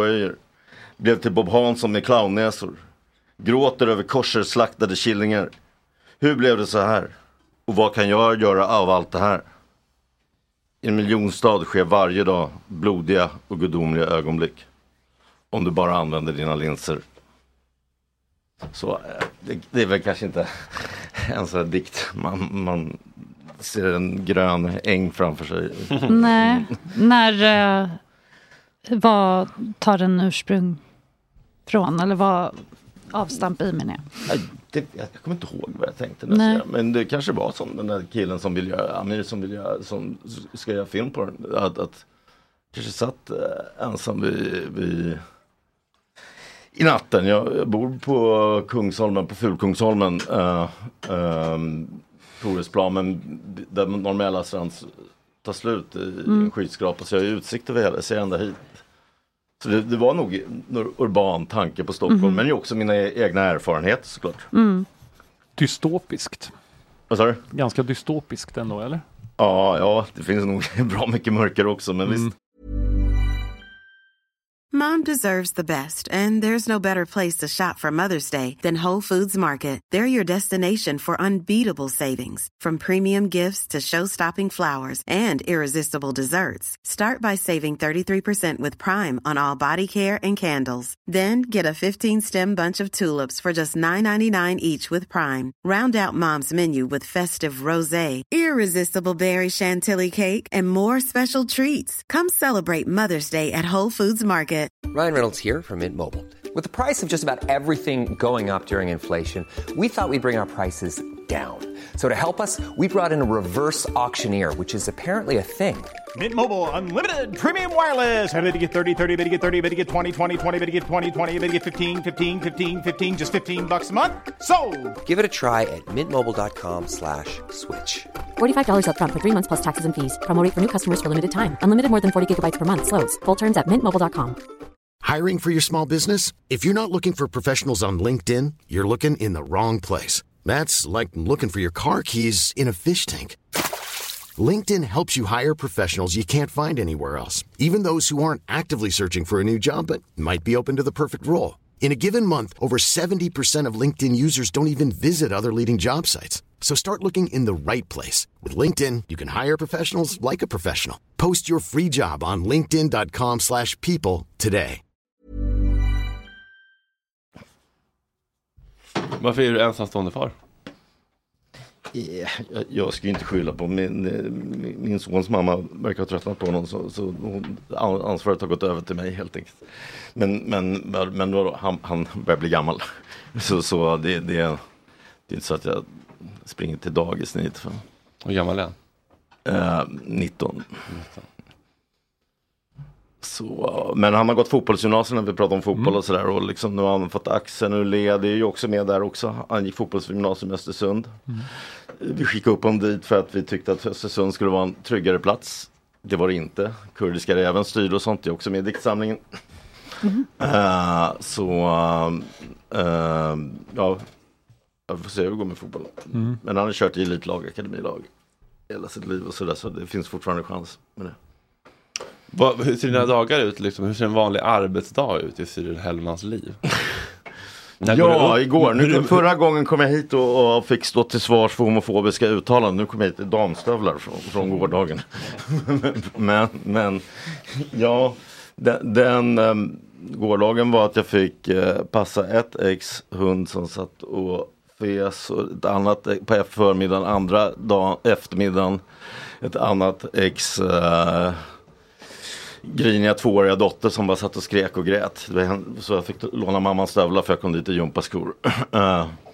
Som jag ändå tyckte var så sköna. Nu förstår jag varför kvinnor gillar stövlar. Så jag tog på Och sen blev du kvar där över natten. Nej, det blev jag faktiskt Nej. inte. Sen åkte jag och träffade min advokat för att lämna boken. Eh, en av mina advokater. Många ex, många advokater. Ja. Precis. säger något om ett och då, då blev jag kvar där och, och han bjöd på. Och Tydlig korrelation. Ja. Verkligen. Och sen gick jag hem och tog hand om min son klockan 11 då. Ja. Ja. Tog hand om din son klockan 11? Ja, eller nattade honom om man ska säga. Natta 19-åringen.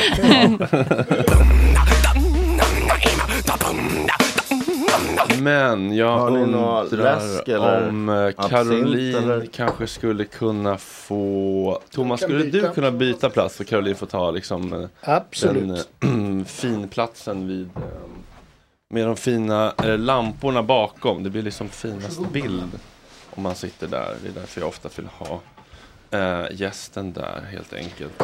Jag kilar på toaletten lite snabbt. Ja. Det är väl... Ingen... Är det någon som vill gå efter mig? Den här platsen känns lika fin. Tycker du? Ja. vad bra. Tack Jonas. Så det. hej. Eh, Carolina Lund, välkommen till Gott Snack. Jag ska ta på mig de här eller? Ja, visst. Om du vill höra dig själv. Det är, Jaha, det eh, om du har en, en, om du har ett, eh, bara ett litet, litet stråk av narcissistisk personlighetsstörning som eh, många av oss har, så kan man tycka att det är ganska underbart. Ah, Okej, Eh, nej jag trodde det var skulle distrahera mig faktiskt. Okej. Eh, try it, you might like it. Eh, du har åkt hela vägen från Uppsala va? Gävle faktiskt. Gävle? Oj, Ja. men inte bara för vår skull va? Jag har lite andra grejer att göra i Stockholm också. Mm. Det Men, känns eh, alltid bra tycker jag. Att, eh, att folk inte bara är här för vår skull. För då känner man oj nu måste det bli så bra och så kanske man inte tycker att det blir så bra. Och så känner man dåligt samvete och skuld och skam och så går man hem och sen så bedövar man sig med diverse absint och så dylikt. Du vet hur det funkar Thomas? Ja, ja, hela Eh, spåret, jag är med. eh, och du har forskat lite grann på det här med propaganda. Eller? Ja, ehm, alltså det är en del I av... vilket ämne? Eh, jag är fredsforskare Ja. vid eh, Trinity College, College i Dublin. Eh, men jag har turen att jag kan göra lite eh, på distans också. Så det är därför jag är i Sverige nu. Eh, men man kan säga att det är en, en del av min forskning.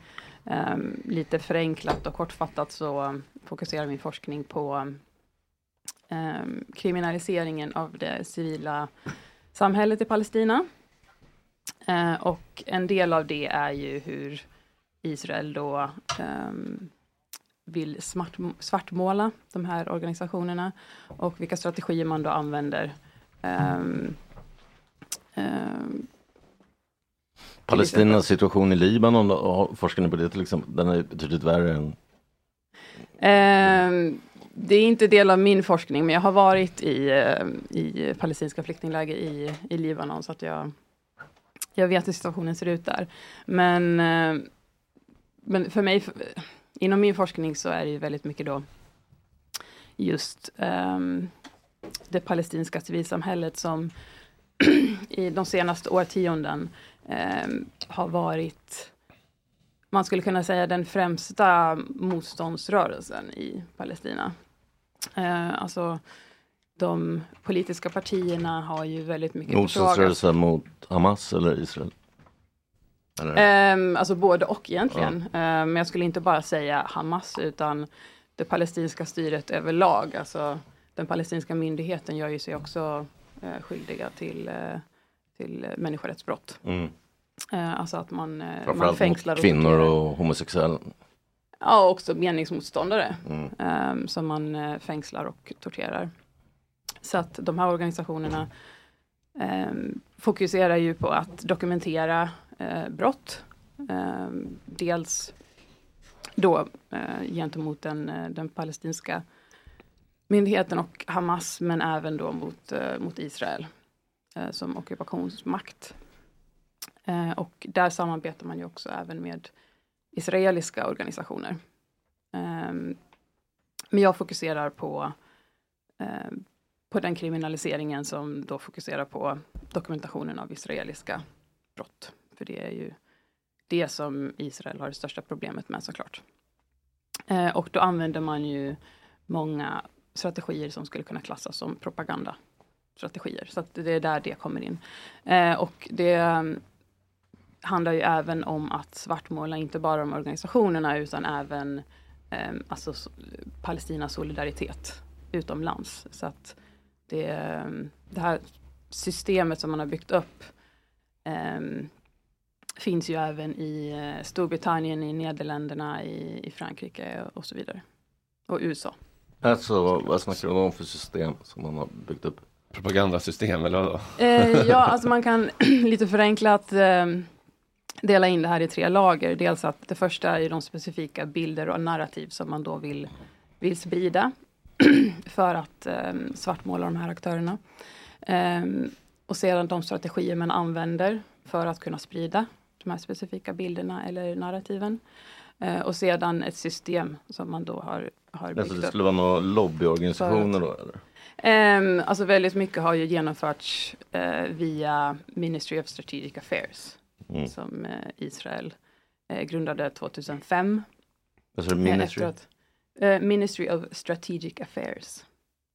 Ehm, Ministeriet för strategiska affärer. Mm. Eh, och man hade det första stora initiativet som man hade kallade man för Brand Israel. Där man insåg att eh, bilden av Israel har ju varit på nedåtgående. Eh, Tror inte, den, alltså, bara, tror inte det kan vara en effekt av att man till exempel Forskar ni på sånt? Att man sprider en bild om Israel som när man pratar om etnisk folkmord. Som aldrig har skett. Som aldrig sker. Det här, det här, det här handlar till exempel om att, eh, att eh, väst har ett dåligt samvete från efter andra världskriget. Och att man gärna vill då svartmåla judar som att man håller på med något som skedde under förintelsen. Vilket var ett folkmord på riktigt. Men de här- Israel aldrig håller på med. Men de här palestinska organisationerna fokuserar ju inte på judar. Nej, men på Alltså, Israel. De, de Nej, fokuserar också- ju på brott som, som Israel. händer i deras samhällen. Alltså, du? Alltså de dok- dokumenterar ju brott som begås i deras samhällen. Mot deras folk. Alltså det har ju, de fokuserar ju inte på judar som Ja, men du pratade om, nej men det är inte den grejen, det förstår jag. Och att, att sådana grejer, men jag pratar om bild, ni pratar om bilden. Lobbyorganisationer om bilden av Israel. Alltså det är is Israel som pratar om den bilden. Mm. Det är inte... Men de kanske behöver den när, när det är sådana bilder och narrativ som skapas av Israel. När du har SVTs chef Jan Helin som sätter Åsa Linderborg som redaktör på, på ha en artikel om att Israel stjäl organ. En nidbild av judar som har pågått i 500 år. När det var ett företag som stal organ från svenskar, amerikaner, palestinier och Israel. När till och med en svensk, Sveriges största tidning Aftonbladet sprider sådana bilder av Israel. Tror du inte att de har ett behov av att ha ett Ministry of Strategic Affairs? Då? Eh, jag tror att om man vill uppehålla eh, alltså konsensus inom liksom jag ska inte ens säga liksom det eh, internationella samfundet för majoriteten av eh, världens länder stödjer ju inte liksom, Israels ockupation men inom väst i alla fall och det är väl det som räknas när det kommer till global politik.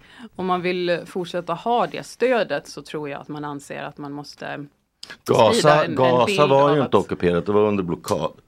Där var det att Israel, Israel gav dem nycklarna, vad gjorde de med nycklarna? Det, det såg vi den 7 oktober. Eller hur? Västbanken har, är ockuperat. Men eh, det är ju det är för först inte från Palestina, det är ockuperat från Jordanien. Precis som Gaza var det är ju en, under ockup- blocka- det är ju ockuperat en från eh, Egypten. ockupation om man kan bestämma om folk får vatten, el eller mat. Om man inte tillåter dem att kunna liksom, kontrollera sina egna gränser. De Men får får de, de- du de menar att får de inte får vatten och mat Israel? Ja, men Israel kan ju uppenbarligen bestämma att de inte ska få det. Och vilka mer har, ockuperat Gaza då? Ja, innan, Blockerat Gaza? innan 1967 så var det ju under eh, egyptisk kontroll. Ja, och även nu under blockad. Det är ju, tunnlarna går ju från Egypten. Fast det är inte Egypten som till exempel ehm, liksom hindrar Gazas fiskare från att kunna fiska på sina egna vatten. Även De hindrar dem från att komma ut. Det är ju som, vissa kallar det ett fort från Hamas, be- beroende på vilka, vilken bild du har, men vissa kallar det också ett fängelse. De, så den bilden, och framförallt är de ju under Hamas fängelse, eh, under det palestinska folket. Men vad var vi? Um, sorry, 2005 så startades det här Ministry of Strategic, Strategic Affairs. Affairs. Och vart, vart, vart var vi på väg med det? Ehm, att det första initiativet som man hade var Brand Israel då, för Just att man ehm, efter eh, invasionen av eh, Libanon 2006 och även eh, alltså den andra intifadan 2000 och ehm, att man misslyckades med eh, Osloavtalet efter det här Camp David Summit 2000.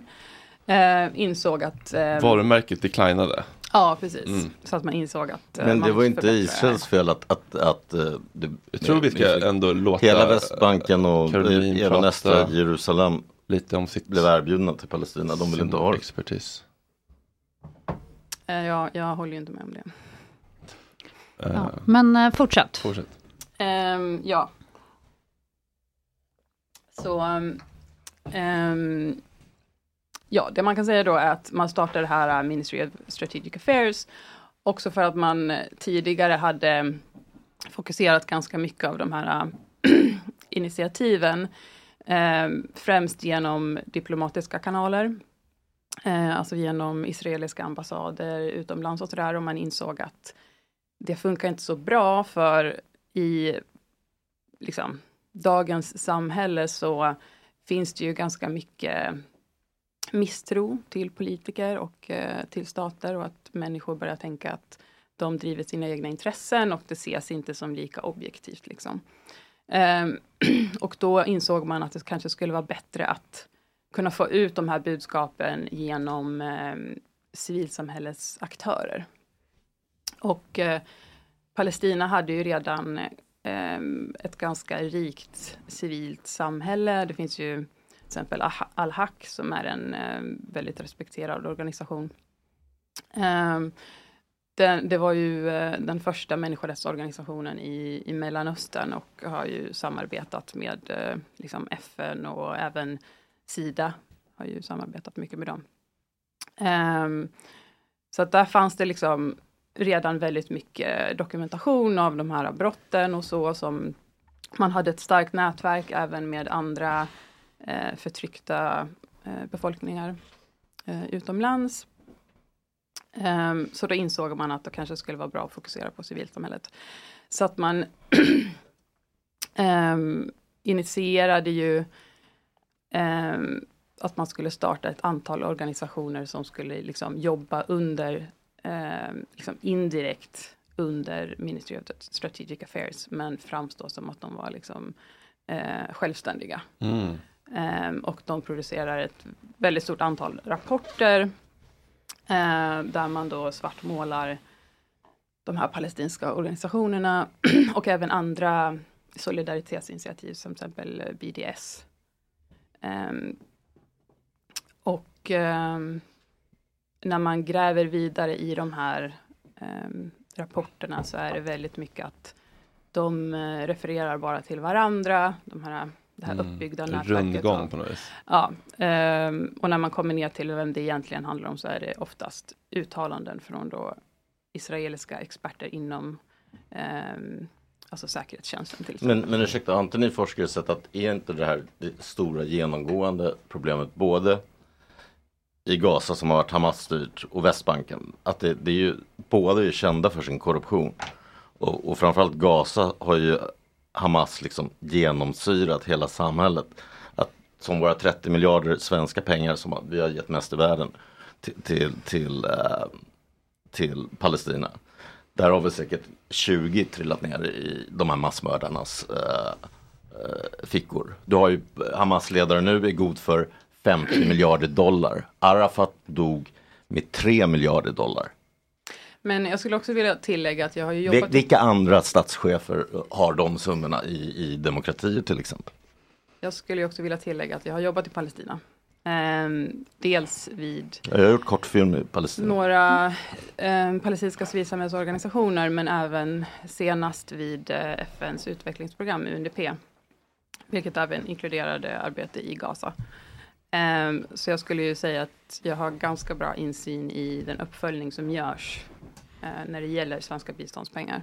Mm. Eh, och de går inte till Hamas. Men skulle det bara vara propaganda att de genomsyrar hela samhället? Till exempel att, Vad att vi har haft du- de här katastrofen nu med att så många har dött. Hela? Att Hamas, att, att Hamas eh, styr på olika sätt, media, organisationer, pengar. Skulle det, skulle, det, skulle det vara israelisk propaganda menar du? Ehm, Hur kommer det sig då att ledaren har 50 miljarder dollar? nej men alltså min forskning handlar inte om hur mycket pengar en Hamas-ledare har. Mm. De bara Min- trillar ner till honom som mumma min från himlen. han-? Min forskning handlar till exempel om att Israel har terrorstämplat sex um, civilsamhällesorganisationer i Palestina som arbetar med att dokumentera de här eh, brotten och att man har eh, skickat in det här till eh, ICC, alltså International Criminal Court. Ja, Nu har jag inte läst forskningen men, men alltså, vad, vad, Ja, men vad alltså, var deras har- motiv? Det, det är ju klart att det är illa om det inte skulle finnas något motiv men finns det inte då att Ja, de har det någon koppling till Hamas eller som, någonting? Nej, det har de inte. Alltså det är ju just det som är den här propagandastrategin. Att man, man använder de här eh, proxyorganisationerna som eh, producerar de här rapporterna som bygger på bevis som, alltså till exempel, alltså till och med eh, Sverige har, de har sett liksom de här så kallade bevisen. Och det finns inga bevis Mm. för att det skulle finnas någon koppling till, och för det första så påstår de inte att det skulle vara en koppling till Hamas, utan man påstår att det skulle finnas en koppling till ett annat politiskt eh, palestinskt parti Mm. som kallas för PFLP. Eh, och den enda kopplingen som man faktiskt har kunnat sett är att PFLP ehm, hade någon slags, jag vet inte, sponsring till en dansklass som hölls i, i Betlehem.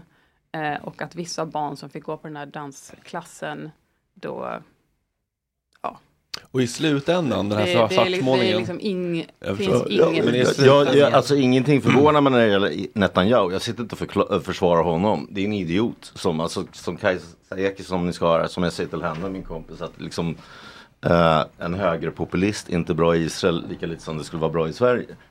Uh, men det har ingenting med judar eller vanliga Israel. De flesta när jag har varit i Israel, i alla fall de jag umgås med, har, har varit för Palestinas bästa och gillar inte honom. En miljon har varit på väg att emigrera på grund av Netanyahu tills det här kriget. Så han måste ju verkligen fått vad de vill. Men jag tänker, är målet med att svartmåla eh, de här organisationerna och så att underminera eh, alla eh, Palestina som säger det går inte att förhandla med de här för det är bara en massa galningar eller terrorister eller så här. Eller vad är slutmålet liksom? Ehm, Upprätthålla någon slags bild av att det här är ingen seriös Ja, partner man kan... alltså en, en strategi som man eh, konsekvent använder, alltså även inom eh, FN-systemet, är ju att man eh, vill distrahera. Eh, man vill aldrig bemöta kritik och ett sätt att göra det är att liksom diskreditera eh, den som framför kritik. Så att om eh, en om ett FN-organ ehm, till exempel Human Rights Council eller en palestinsk organisation som Al-Haq då framför att ja, här har ni brutit mot de här rättigheterna, till exempel palestinierna får inte vatten Mm. på, på Västbanken. Mm. Så man bemöter aldrig den kritiken med att säga jo men det här och det här var liksom fel information och så här och så här är det egentligen, utan man säger bara att nej men vi tänker inte eh, ha någonting att göra med det här för att eh, FN är eh, eh, kan man liksom, de är antisemitiska eller Mm. eh, Al-Haq är en terrororganisation så att ingenting som kommer från den organisationen är liksom legit. Vilken mardröm att vara ihop med Israel. Att bli så Ah. gaslightad och manipulerad och liksom emotionellt misshandlad och aldrig få sina känslor validerade. Det måste vara Mm. helt fruktansvärt att Mm. liksom försöka eh, vara ihop med Det är, väl, Israel. det är väl värre snarare ändå liksom för, för israeler att vara ihop med sin granne som om, när vi, om vi ska komma in på kriget till exempel som Golda Meir sa om araberna och palestinierna la ner sina vapen då skulle det aldrig finnas något problem. Om Israel Ja, men- la ner sina vapen vänta. skulle Om- de vara för, till, tillintetgjorda. Om sionisterna aldrig hade börjat kolonisera landet så hade det inte Det började ju inte där. Vil- Det- vilket Nej. land? Vilket land? Det har, det har aldrig funnits någon Palestina.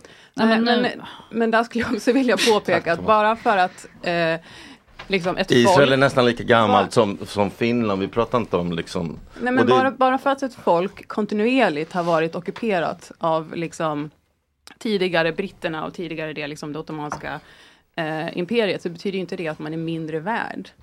Men, så- Eller men up for grabs. men- liksom- men- up for grabs. Ja. Men Annars kommer någon annan ändå ta det. Ja. Här, Nej men hallå, blivit hallå, om vi går tillbaka till när den sionistiska rörelsen bildades vid 1890-talet på slutet där.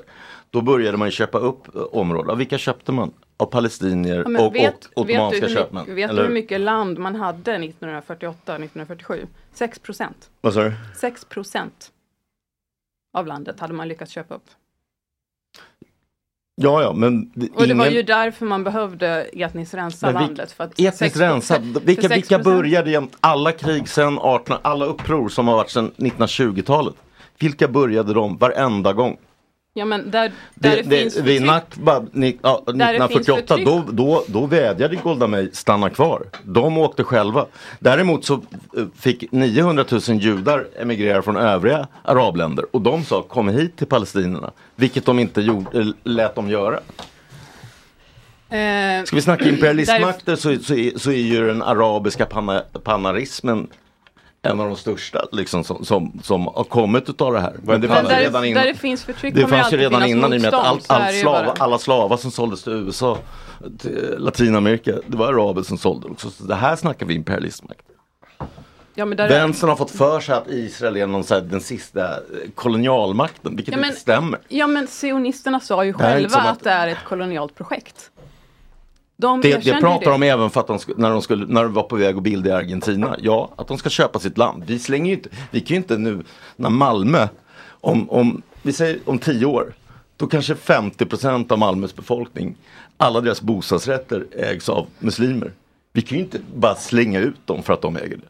Men det är ju så, det är så, det är så, det? är ju så, det är Alltså, så, det är så de palestinska araberna betett sig i det här området. Nej, men- Sen Men det är ju- 1920-talet. Men det är ju... Bråket för att men folk i har köpt Israel så är det ju, det är ju palestinska eh, medborgare, alltså de som, de som är palestinier men som har israeliskt medborgarskap, det är ju de som inte får köpa eh, alltså bostadsrätter eller land. För de lever under andra lagar. Ja, Militärlagar. Palestin, Palestinien och Israel har precis samma rättigheter och araber också Nej, som det har de inte alls. Nej, det har de inte alls. I Israel, Alltså all, allt land som Israel har på tagit. ockuperat områden, det är en annan sak. Men det borde, hade ju nej, kanske nej, bäst om det återgår till, till, till område. Jordanien. Jag ta- pratar om allt land som man tog även efter 1948 som man då säger tillfaller staten genom Jewish National Fund. Och del, all den marken får inte köpas av araber. Som man då också, man kallar ju konsekvent palestinierna i Israel för araber. Och det handlar ju också om att man inte vill erkänna att det är ett folk. Ja, jag har vet hur många, hur många palestinier som har bostadsrätter som helst i Tel Aviv. Men att det skulle vara något förbud mot palestinier att ha en bostadsrätt. Nej, inte överallt, men på många ställen. Så det finns samhällen där de inte Jag vet köper. att det finns i Ris, jag har gjort en kortfilm om den. Den finns då- på och då Youtube, Demolition det- of a Palestinian Village till exempel. Jag vet att det finns sådana exempel. då Och det, har- inte det sitter jag inte och försvarar heller. Ja, vad sa du? har. Men då handlar det kanske heller inte om land som Jewish National Fund har. Känns som att du blir upprörd Cyril. Vad sa du? Känns som att du blir lite upprörd. Nej men det, det, det, det är den här liksom, det, det är den här uh, nidbilden av israeler och judar som stör mig. Jag har inte varit, jag, jag kan inte påstå att jag, jag, pratar, kan inte pratar inte om judar. Alltså, jag, jag pratar inte om judar. Fast det har ju blivit så, så i och med de senaste åren. Jag kan inte säga att jag var sionist heller när jag var tonåring för 20-30 år sedan. Den första intifadan var ju till exempel mer ett civiluppror. Men det har ju blivit så att vi, vi pratar inte, man säger inte liksom så här, eh, jag, jag är inte emot tyskar men jag är emot Tyskland. Det har ju blivit så. Fast det är Nej, väl vad du är inte läser sy- de in, det är vad du två lä- synonymer. lägger in i det här. Ja, precis. Alltså Caroline pratar ju inte alls eh, i, form, alltså, i den uppdelningen. Nej, det ligger lite hos dig faktiskt. Det måste vi ändå kunna Men, skilja på. men, men sen så liksom, man kan ju inte försvara att liksom människorättsorganisationer terrorstämplas. Alltså det är ju... Nej jag försvarar inte det men jag skulle gärna vilja läsa din forskning. Och det, det på ett sätt förvånar ingenting vad Netanyahu gör. Och det, de flesta israeler, som jag säger, en miljon var på, på väg att lämna landet innan det här kriget. Som inleddes för, vad jag tror i alla fall, för att Putin och Iran ville få bort fokus från sig, de nya axelmakterna. De gav, de gav Hamas lite skrot och peppade dem. Eh, Putin till exempel, han hade ju sina vänner i väst som med förakt för, för mänskliga rätter i Netanyahu, Berlusconi och, och Trump. Den första han bad att förhandla tre veckor in i kriget när han, när han såg att det inte gick som det skulle. Det var Netanyahu som då gav honom kalla handen. Vilket då alla tolkar som en, liksom. Ja, det där kan man ju spekulera kring. Men, men eh, det här är ju spännande eh, ämnen tycker jag. Ehm, har du någon fråga Thomas? Nej, jag är bara inne på det här med, alltså jag sitter och tänker på det här. Alltså, det är full... Brommapojkarna nej, nej, nej, jag tycker det är väldigt intressant det här du var inne på att liksom man pr- skapar proka- propagandainstitut. Det har ju gjorts i väldigt långa tider, från ända sedan Münzenberger gjorde det åt Lenin och framåt eh, så, så har ju alla stater som har ett eh, intresse av att modifiera sin Men vi bild. har, ju- vi har ju svenska, vi har ju svenska presscenter också. Jo, men det här är en annan sak. Alltså man skapar civilorganisationer som man låtsas är oberoende, som man Mm. direkt dikterar villkoren för och finansierar. Så gjorde man i Sverige när, när, från liksom, Sovjetryssland. Så arbetade nazisterna när de tog över, så arbetade CIA. Eh, med mycket, mycket, så arbetar Ryssland, det är det mest tydliga exemplet. Så där, de här dubbla, men när man går till Israelsfrågan så finns det ju liksom väldigt dubbla agendor. Israel har ju ett väldigt stort intresse av att säga att hela den palestinska befolkningen är si och så. Mm. Och det måste de det är väldigt, det är ett fullständigt orimligt påstående Men, givetvis. det, ja, men, vä- vänta, låt mig slutföra resonemanget bara. Så, så det, det har ju de ett intresse i. Samtidigt som det har varit så för Netanyahus skull så har det varit ganska bekvämt att Hamas är starka i Gaza. För Netanyahu vill inte ha en tvåstadslösning. Det vill inte Hamas heller. Så att liksom att de, de liberala krafterna bland palestinierna blir förstärkta. Det ligger ju inte alls i Netanyahus intresse. Han vill ju ha en tydlig motståndare. Och det där kommer inte komplexiteten men den metoden som du var ute efter för att man faktiskt driver en internationell propagandamaskin. Det är väldigt viktigt att belysa det, att tydliggöra de här organisationerna, de här talesmännen är inte oberoende. Så jobbar jag också i läkemedelsindustrin, alltså det genomsyrar hela vårt samhälle. Och det blir lättare idag eh, än vad det var tidigare tack vare sociala medier. Det är lättare att bygga konspiratoriska tankar eller liksom svartmåla det ena eller andra. Men den, hallå, den biten är vil- intressant. Vilka, det är vilka är det som är mest utsatta för konspirationiska tankar? Judiska konspirationen, Jag, bla bla jag, bla. jag, ty, jag tycker inte det, det, det är den eh, springande punkten vem som är mest utsatt utan det är mer intressant det mest hur hela vår världsbild, våra, vår världsbild Nej, påverkas men- men utav vet det här också? mer än av sanningen. Nej men i fråga om israeler och palestinier, det är ju en skillnad. Ni sitter, sitter, och säger att israelerna ser palestinier och så, så, här, så här. Alla israeler jag känner, som sagt, många vill ha, de flesta vill ha en tvåstatslösning, de flesta lider med Palestina. Vi pratar om Ja, styret. ja, ja, de, har, de har fått lida mycket. Men det, att de, som, som i slutdikten, vi kan ta den sen. När jag är, i- när jag är i synagogan tre dagar Nu är du efter väldigt den långt från sjunde- mikrofonen, Den, sju- efter den 7 oktober, då ber man för gisslan och få ett slut på Ja, men kriget. jag har inte påstått tanken heller på att israelerna ser det vänta, vänta, likadant vänta, vänta. alla. Tanken på att palestinierna skulle göra något sånt, deras fiende, den finns inte. I, i, i, i Koranen, alltså det, det, den, den, den den eh, rasism mot judar som finns i Koranen, den, den, är, den är på en nivå så att du sitter och garvar. Den går inte att ta på allvar. Sen ska inte jag säga det Men att, judarna är bättre på det. Det handlar om att det står inte du- i Bibeln för att det är en äldre bok. Men du, du, du, här växer upp, du, växer, du växer upp med, med, om du växer upp i Palestina växer du upp i, med föräldrar som säger att judar är grisar. Det, det, det, det, det, så där håller de flesta judar inte på. Jag säger inte att alla är goda. Du har fascist, jag skriver dikten Men om alltså, en jag, fascistisk jude jag har som... bott i Palestina i flera år, jag har aldrig hört någon säga så. Och för det första så finns det ju dessutom kristna palestinier och det finns väldigt Ja, många som inte är religiösa Men det är inte de som springer och gata, på gatan och skriker och gapar, eller? Det är det Ja, men du vet vilka jag har Nej, sett nej, som har sprungit inte- och gapat på gatan i Jerusalem. Det är på Jerusalem Day som de har varje år. När de stänger ner alla palestinska butiker i Gamla stan. Sen så har eh, sionisterna en marsch där man springer runt och vet du vad man gapar? Man da- gapar Death to Arabs.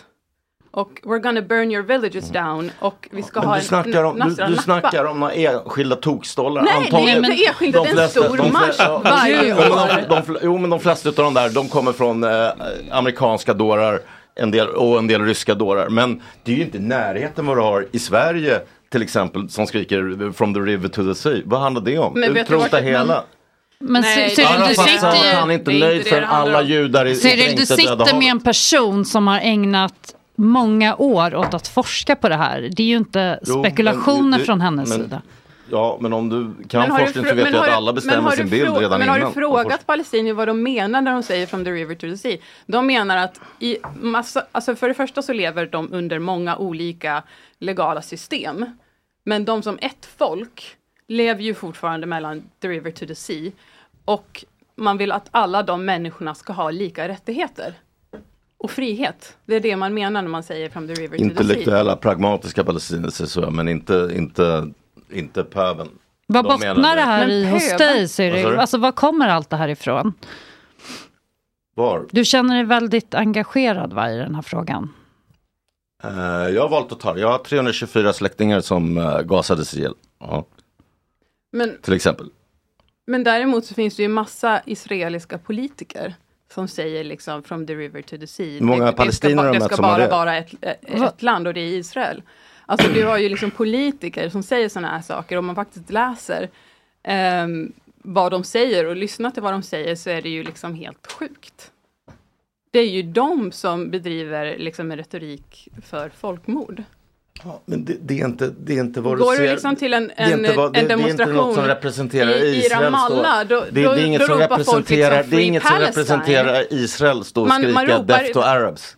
Verkligen du? inte. Det är inget som representerar Israel Death to Arabs. 20% av Israels medborgare är araber med exakt samma rättighet. De har inte exakt samma Jo, rättigheter. Nej, det har de inte. Det har till och med Netanyahu till och med haft till, och med eh, eh, förra regeringen hade han ju Men- eh, med sig i sin kollation eh, muslimska ex, eh, alltså, jag- extremister. Jag, jag känner till exempel en familj som bor i Haifa. Eh, de är palestinier, de har israeliskt medborgarskap. Eh, de kommer från en eh, by som ligger kanske en timme därifrån. Som förstördes 1948. De har fortfarande liksom sina papper på att de äger den här marken och så. De får inte bo där. Jag, jag försvarar inte de här bosättningarna. Det, det, det, Nej, men det, men det är ingen, bo, det är ingen bosättning. liksom, det, det är liksom, det som har- håller på med det. Jag försvarar inte att en, att en eh, palestinsk olivbonde miste sin mark eller någonting. Det, allt, allt på de här områdena Men man också kan inte säga att de har likadana rättigheter. Alltså de får inte återvända till sina hem trots att de bor i Israel och har medborgarskap. Och de kan åka dit över helgen och liksom titta på husgrunden men de, de får inte bo där. Och tittar man på skylten när man går in till den här parken så nämner det inte ens att det faktiskt var en, en palestinsk by där. Eh, det står liksom bara att ja, här finns lämningar från Men det är inte eh, de bronsåldern 20 till- procenten av araber i Israel jag pratar om. Jag pratar om de araber som jobbar som läkare, jurister, advokater, politiker. Ja, De pappan i familjen är till exempel jobb, alltså jobbar på ett sjukhus där. Alltså det är, det, vi pratar inte om några bönder. Mm. Vad jag nu skulle göra för skillnad. Mm. Jag kan väl säga så här, palestinierna i Libanon till exempel har betydligt värre. Men vad spelar det för roll? Alltså varför måste man jämföra? Nej. Man behöver inte jämföra. Alltså jag tycker att Det är, som att säga, situationen... det, är som att säga, det är som att säga till tiggaren här sitter utanför. Eh, jag, såg en, jag såg en tiggare på, på, på Instagram som eh, bor i Ryssland där det är f- 20 minus. Så att, Jo men, här men hallå, hallå, hallå, du har ju liksom, du har, du har 40 miljoner kurder till exempel. Med Kurdistan. Det, är- det är ju det som folk tycker som, som tycker att den här är oproportionerlig, den här Israelfrågan till exempel. Att det blir sånt, liksom att folk står i Helsingborg och, och att folk inte kan gå och, och Malmö och skriker och firar de här halshuggningarna av bebisar. Står folk det på gatorna ju- och att folk i Malmö. När jag var i Malmö helgen, de, det de, de, de har folk som vaktar synagogan civil för, för att polisen inte räcker till. Det här, det här, du har, det har dött lika många i, i krisen i Armenien. Folk bryr sig inte om den. Och därför ska vi heller inte bry oss om detta? eller? Nej, Vad men det, men, det, men det är också, det blir, jo, nej för att det, det är för att antisemitism är som olja och vinäger i basen i, i eh, en sallad är, över hela västsamhället. Det är, därför, det är därför den berör så många. Jag tror att det berör så många för att det, den har så stor stöttning bland eh, västerländerna. Att man, när det gäller många andra liksom, konflikter, även om jag helst inte kallar det en konflikt, eh, eller katastrofer, så är det ju ofta så att Den liksom, Armenien är lite gammal till exempel, från 1948. Ja, men det, men det, finns, inte- det finns inte så mycket engagemang från De våra tydligt mer politiker. utsatta. Eh, men när det kommer till det här så stöttar man det till och med. Och det är väl det som gör att det blir väldigt Och varför, och varför stöttar man det då på det sättet menar du? Ja, för att det finns geopolitiska intressen bland annat. Ja, och religiösa, men också antisemitiska. Ja men det finns ju också Ja. komplikationen att det här är en konflikt som går i så många riktningar där det finns så många olika intressen. Alltså iranierna stöttar Hamas trots att de inte ens tillhör samma religiösa grupp. Iranierna, Ja, och iranierna är ju storfiende till, till araberna i, i övrigt. Alltså Det där, det, också det, det är det klyv här av oheliga allianser Ja, som det man måste reda också ut. för att Israel började, vilket jag inte tror hon kommer gå, men nu går det definitivt inte, började ju närma sig Iran, skulle åka dit på förhandlingar. Ja, framförallt, framförallt jämkade mellan Saudiarabien, Saudiarabien? Saudiarabien och Iran. ja. Och det, det- det- det, det då, det spekulerar man att det är den utlösande Ja. anledningen. Men jag menar den komplexiteten gör ju att den här konflikten drabbar så stora delar av världen, så, sådana oerhört starka krafter. Och de är indragna på sätt som inte går, där skiljelinjerna inte är tydliga. Helt plötsligt är Iran och Saudiarabien lierade liksom, och det har uppnåtts här. Vilket, är- och de är ju de hårdaste fienderna alltså, i, i den delen utav världen. Så det gör ju att den här konflikten får en annan sprängkraft än men där det finns det två som, tydliga Det som jag jämförde med Armenien i Karabach, där är det också folk som är kläm av Israel, Turkiet, Ryssland, Det, Iran. det är sant därför att de här länderna lägger sig i alla konflikter i det området av naturliga skäl för de betraktar det som sina intresseområden. Men det finns ändå två tydliga motparter. Här är det ju mer komplext. Som jag ser det i alla fall. För att du har också massor med vänstermänniskor som, som har det, skapat av en jude, Karl Marx, som såg borgen som, som roten till allt ont. Som och, och feministrörelsen till exempel eh, kapar den och kör patriarkatet eh, mannen med all rätt att det, att det finns massor med problem med det men, de, men det är kanske inte är allt ont. Och det, och det, det här kör de med, med juden också. De tror, det är det de ser, att juden äger allt. Juden äger Wall Street, juden äger USA. När det i själva verket är som jag sa förut kineser som äger. Liksom, gå på dem istället. Men det är intressant att du, att du nämner eh, eh, Armenien, för eh, det finns ju ett, eh, en, den äldsta diasporan, den ar äldsta armeniska diasporan Mm. lever ju i Jerusalem och Mm. de just nu ehm, Jesus var armenier. utsätts ju för en extrem kampanj för att drivas bort från det um, armeniska, armeniska kvarteret av um, israeliska bosättare. Ja, men jag har sagt de där, gäng, de där han- bosättarna, alltså, det det är ett gäng yuppies, bara men det är om- ett gäng nötter. De, de, de, de företräder inte vanliga israeler eller judar. Framförallt inte intellektuella israeler. Som jag känner, som vill också Palestinas bästa. Vilket blir svårt nu när liksom, de alltid biter sig i svansen. På grund av Hamas. Och det ska man komma ihåg, vilka röstade fram Hamas? 50 Men alltså det här problemet vilka- har ju existerat långt innan Hamas ens fanns. Alltså man kan liksom inte koka ner det här till Hamas. Men du kan ju inte, och du kan ju inte heller använda det resonemanget längre för de, det har ju inte hållits fria val på, vad är det, 17 år liksom. Nej. Alltså, Nej, så, men- att säga, så att Hamas en gång blev framröstade då för Mm. invånarna i Palestina så var de en välgörande faktor. De bedriver mycket intern välgörenhet. Så det var där, sen De så, gjorde IS också, de hade också drömmen om en men välfärdsstat. Ja, ja, fast IS röstades aldrig Utopi. fram i något val. Men IS, sen Hamas avskaffade ju sen demokratin och eh, Ja, har precis drivit en helt annan agenda än det de blev Ja. valda på. Och det, Jo, ja, men, du, alltså, har så också, men annan- du har ändå en stor majoritet för Hamas och som är Ja, men de- lika, de där- lika grova de där- islamisk de jihad. där- Du har- Du har 80 procent kanske utav Palestinas befolkning. De där, si- de där siffrorna vet jag inte riktigt hur man Nej. får fram. Det beror på, som man frågar får man svar liksom. Om man ställer det ena mot det andra, men om man nyanserar frågorna så kanske tror jag nog svaret inte, Däremot inte har det ju är så också enkelt. varför så många har dött till exempel nu under de här bombningarna. Israel är den enda krigsmakt som, som varnar innan bombfall men till och med ringer folk. Men de, de, Hamas behåller ju sitt eget folk som gisslan. Har inte släppt ut dem. Det är också, och de, de gömmer sig själva i sjukhus. Jo, men att, att Hamas agerande i den här situationen ska ju rättfärdiga Israels politik gentemot palestinier. Det blir jätte alltså komplicerat. Det är ju fortfarande så att majoriteten av palestinier i, i Hur behandlas hela, palestinier? Hela Israel lever inte be- på Gaza. behandlas- inte... Jag har rest i större delen i, av eh, Mellanöstern jag har varit där och jobbat i större delen av Mellanöstern. Palestinier behandlas som ru- eh, romer i Rumänien i större delen av arabvärlden. Särskilt de rika, Qatar, men då kan man ju Bahrain, låta dem Kuwait. återvända till Palestina då. Så behöver de inte ha det så himla jobbigt i livet. Det vore jättebra, men det bästa vore faktiskt om Västbanken återgick till Jordanien som det var från början. Men de vill ju inte det. Nej, jo, jo, Ja. jo, det har ni väl inte, men, men alltså i flyktingläger där folk lever utsatta, där har det enkelt extremistorganisationer kunnat frodas. Ja, det, det har väl bevisats genom historien. Det innebär inte att de representerar människorna, men det är en bra grogrund. Ja, det är, det är självklart. Och det, jag menar som jag intervjuade Peter Malkin eh, som var chef för Mossad som jag intervjuade inte av den anledningen utan han kidnappade Eichmann på öppen gata i Buenos Aires. Men som han sa, han är ju uppväxt i brittiska Palestina. Eh, och, och van och att man ska kunna leva sida vid sida. Han sa att palestinier är inga dåliga människor alls. Du, eh, men eh, de är väldigt lätta att uppvigla. Eh, och eh, jag ser ingen lösning på det. När, när, det, det, är samma sak, det är samma sak för israeler och palestinier. Om du har sett din Inte bror- alla förtryckta om du har folk sett, lätta om, om, du har sett, om du har sett din, vad sa du? Inte förtryckta folk generellt lite lättare att uppvigla. Om man känner sig förtryckt.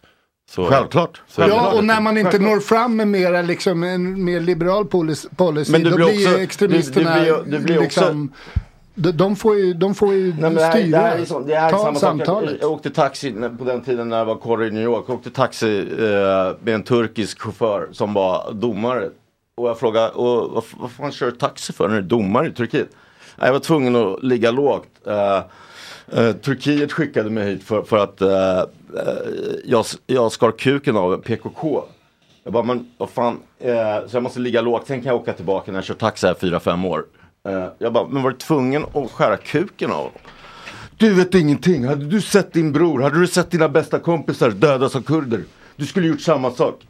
Och så blir det i den här konflikten. Som han sa, Peter Balkin, eh, Mossads för detta chef. Har du sett dina barn, eh, eller har du sett dina bröder, dina systrar, dina vänner dödas? Ja, det finns inget slut på det. Och det som sagt. det Nej men, nej men då är vi åter. Båda så, så, det, så här har man ju, det här har ju varit en problemställning inte minst i subsahariska Afrika. Där man har försökt, alltså att man måste tillämpa traditionell eh, rättvisa som inte bygger på att gamla oförrätter ska ställas till rätta utan att man måste se en väg framåt. Men där har ju liksom de rösterna är ju borta. Nu är det ju de historiska oförrätterna som Mm. hela tiden används som anledning. Men, men där kan man ju också lära från Sydafrika till exempel. Alltså- Precis, där tillämpade man ju det och i Subsahara, i, det- i Uganda det, till exempel har man haft jättestora problem när man ska läka såren efter Konus armé och så vidare. Då, då, där pratar ju de lokala företrädarna och säger att det är de utländska intressena som är Men ute det för att blir ju det, problem- det förflutna ska ställas Hallå, till rätta. hallå, medan det- de vill inte, de vill lösa det, framåt, Det blir ju också när, när, du också när det är ett religiöst folk under sharia. Det här går ju tillbaka till bibeln. Du har, och båda har Abraham som, det här är ju, det är ju vi kusinfolk. Då, båda har Abraham som stamfader. Du har Isak och Ismael. Ismael som jag skrev i min bok Mitt mörka hjärta. Eh, det mest, när, jag gick, när jag var på något så här kristet rehab för, för 15 år sedan. Att, ja, jag läste större delen av bibeln. Den, den var inte särskilt tro, trovärdig. Det enda jag gillade var blodiga partierna när Jesus pick, eh, piska månglarna. Och Ismael berörde mig. Och där har Isak, och Is, Isak i Israels stamfar. Ismael, Ismael var den som föd, föddes först när med hon Hagge eller vad hon hette, Abrahams, skaffade sig en uh, ung fru för att han trodde Sara inte kunde få barn. Han fick allt. Sen föddes födde Sara, sen födde Sara Isak. Uh, då blev han den istället och Ismael förvisades. Men Isak hade ju inte något med det att göra. Han hade inte bett, jag vill ha, ta allt guld från, från Isak. Men det här blir du, har du lärt i generationer och generationer. Och det står i Koranen. Jo, du- ja, men Men det här är inte en det religiös konflikt. Ja. Alltså man... man Så det kan, går inte att jämföra inte- med Sydafrika som är svart och vit. Kolonialmakt också vit. Ja, Ja, men man kan ju inte men gå jag anser till- ju att Israel det här är inte ett- Nej, Jo, Israel, jag anser det det. landet, för det första hade man redan börjat köpa mark. För det andra så var eh, Men man- ut- man har ju is- fördrivit 90 och procent av alla mark. judar Man har inte utrotades. uh, Lyssna, lyssna. mark. 90 procent av alla judar utrotades under andra världskriget. Tänk lite det är den på, enda... Men, Cyril, Ja, tänk ja. lite på din ton i mitt Okej. morgonradioprogram när du tilltalar min eh, andra gäst. Annars är det en dörr där som du är ganska nära just nu. Eh, på, på vilket sätt får jag tilltal för illa? Förlåt, du säger inte tyst, tyst till min andra gäst. Ja, Okej, sorry, sorry. Jag ber om ursäkt. Eh, men 90 procent utrotades. Det är den enda befolkningen som idag är lägre eh, om man utav de här två. Medan Palestina så har ökat med sex gånger liksom, de senaste. Så, Ja, men, men det koloniala projektet började ju innan förintelsen. Nej, det är inte ett kolonialt projekt som när, ju när britterna kommer till Jamaica för att ta kaffe eller i, eh, Indien för sidan Nej, och sånt. Man köpte bo, mark. Man kommer inte erövra bosättarkolonialt projekt. Så därför skiljer det ju sig. Så, så i Malmö från- då ett kolonialt projekt från muslimer menar du? Nej, men, Nej. Nej, det, Varför skulle det vara det? därför att de har kommit dit och, köp, och, och får skaffa lägenheter, köper lägenheter. Det är samma sak. Nej. Så fungerar inte bosättarkolonialism. Hur menar du att den fungerar? Du kan ju men du kan kolla på USA. Till exempel Australien, Nya Zeeland, Sydafrika. Ja men USA, ja, det är ju skillnad. USA jagade ju ut eh, indianer och stal deras mark. Ja, de precis köpte inte som man gjorde under Nakba i Palestina. Under Nakba så åkte de för de flesta åkte ju frivilligt. Och vilka startade Nakba? Nej, det där är vilka ju en startade myt. upproret Nakba? Det där är ju en myt. vilka, startade, vilka startade det? Man, bör, man hade ju något som kallades Plan Dalet som man började implementera redan 1947. Det finns jättemycket eh, akademisk forskning på det. Jo, jo. Som baseras på officiella israeliska dokument och intervjuer med eh, eh, israeliska soldater som deltog. Det har säkert funnits planer från båda sidorna men det är just det Nej, om vi snackar om Nakba, vilka startade det väldigt- kriget? Det vet ju. Väldigt väl dokumenterat att det började redan 1947. Ja, ja men frågan vilka startade kriget? Och det var ju de, de förlorade det och de stack. Nej, men den etniska Meir, rensningen hade redan börjat vid det laget. Vad sa du? Den etniska rensningen hade redan börjat 1947 enligt den planen som Men man varför hade. säger du etnisk rensning? För att det var en etnisk rensning. Nej, etnisk rensning är ett folkmord. Det, har, det har aldrig funnits. Ja, för folkförflyttning räknas väl också, det var väl det som skedde. Det är en del av det kan jag säga. Men det var ju också folkförflyttning från judar till Palestina. 900 000 från de andra Nordafrika och övriga områden. Ja, vilket är typiskt för bosättarkolonialism. Ja. Alltså det här var ju liksom ett, från båda sidor förflyttningar. Ungefär som när Stalin höll på att flytta folk. Från Sibirien till Moldavien. Ja, men den sionistiska rörelsen ville ju att folk skulle flytta till Palestina. Det är ju liksom det som är själva kruxet. Ja, ja, men det var inte så att de stal mark, eller hur? Ja, de, tvi- de tvingade ju folk att lämna vissa De har ju områden. Det är stulit väl ingen jätte- tvekan om Visst, det- det. De har ju men det var stulit inte- jättemycket mark, det gör man ju fortfarande. Ja, det finns ju till och med liksom, eh, klipp när det står en man i en annan familjs trädgård och säger eh, If I don't take it, someone else I will don't take it. take it, someone else will Ja, take it. Det, jo, men det är de här bosättarna Bo- som jag Bosättarrörelsen är internationellt Ja, fördömd och de är representerade nu i Netanyahus regering. Ja, ja. Och jag har sagt att han är en idiot. Jag har inte sagt, sitter och inte försvarar honom. Ska vi sjunga We shall overcome? Nej men om man talar då att extrem, extremister har röstats fram. De har ju röstats fram av israelerna till att leda Israel. Det, Ja, men det, de är, de, vad är de? Jo, det, det är precis som Hamas påstås ha röstats fram. Det- Det, det- skillnaden är att där har inte varit något val på 17 år. Ja, och, precis. Ja, det är, eh, det är mycket eh, man kan säga. Eh, känner du att du har fått berätta om din grej? Jo då. Ja. om man vill ta del av, av din forskning, kan man göra det som, som eh, pöbeln? Ehm, ja. Finns den eh, på en del- svenska? Forskning? Ja. Ehm, alltså akademiska artiklar har jag bara publicerat på engelska. Ehm, det finns till exempel en artikel på ehm, Journal of eh, Holy Land and Palestine Studies. Där eh, jag skriver specifikt om de här organisationerna och eh, hur det kan förstås inom eh, ett uh, bosättarkolonialt perspektiv. Då. Spännande. Och Mm. kan man hitta det på internet? Ja. Ja. Och hur gör man då? Eh, jag kan skicka en länk om du vill. Skicka en länk till oss då så kan vi lägga ut i våra kanaler. Mm. Ehm, för det är väl precis vad vi behöver. Orka sätta oss in mer och läsa på mer. Eh, och inte bara gå på magkänsla. Det gäller även mig. Det är en känslostyrd fråga. Eh, ja, precis. Och där behöver vi hålla frontalloben lite online. Eh, idag är det onsdag, imorgon är det torsdag. Då kommer så många som Sebastian Tadros och Johanna Öholm från realityprogrammet Good Luck Guys. Har du sett det Thomas? Nej, inte mycket. Vad handlar det om?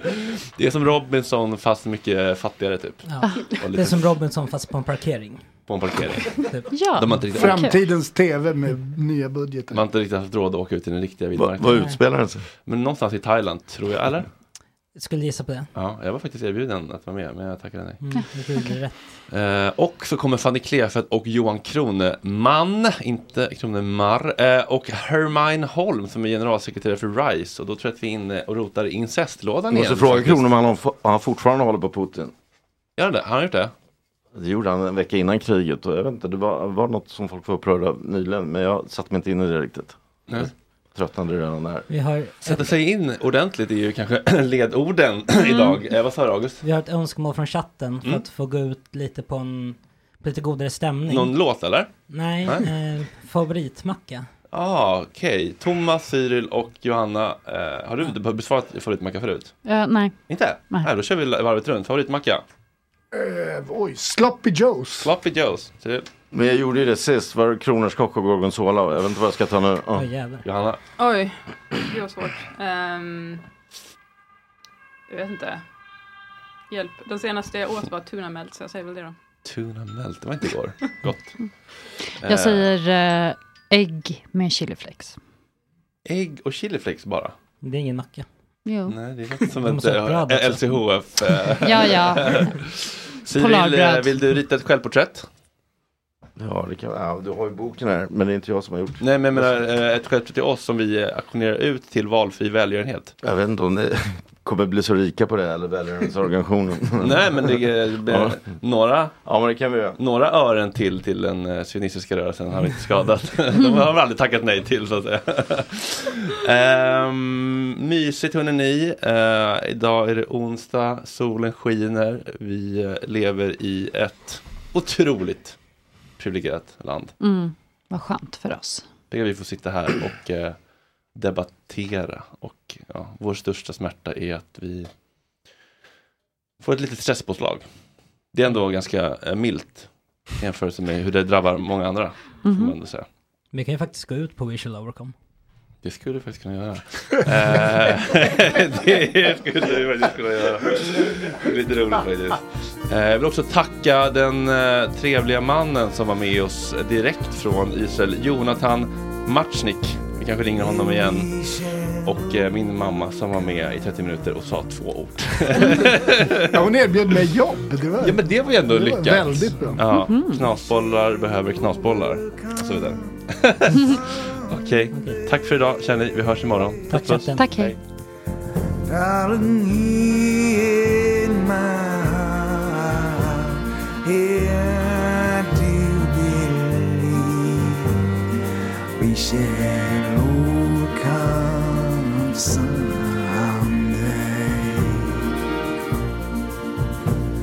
Wait to leave.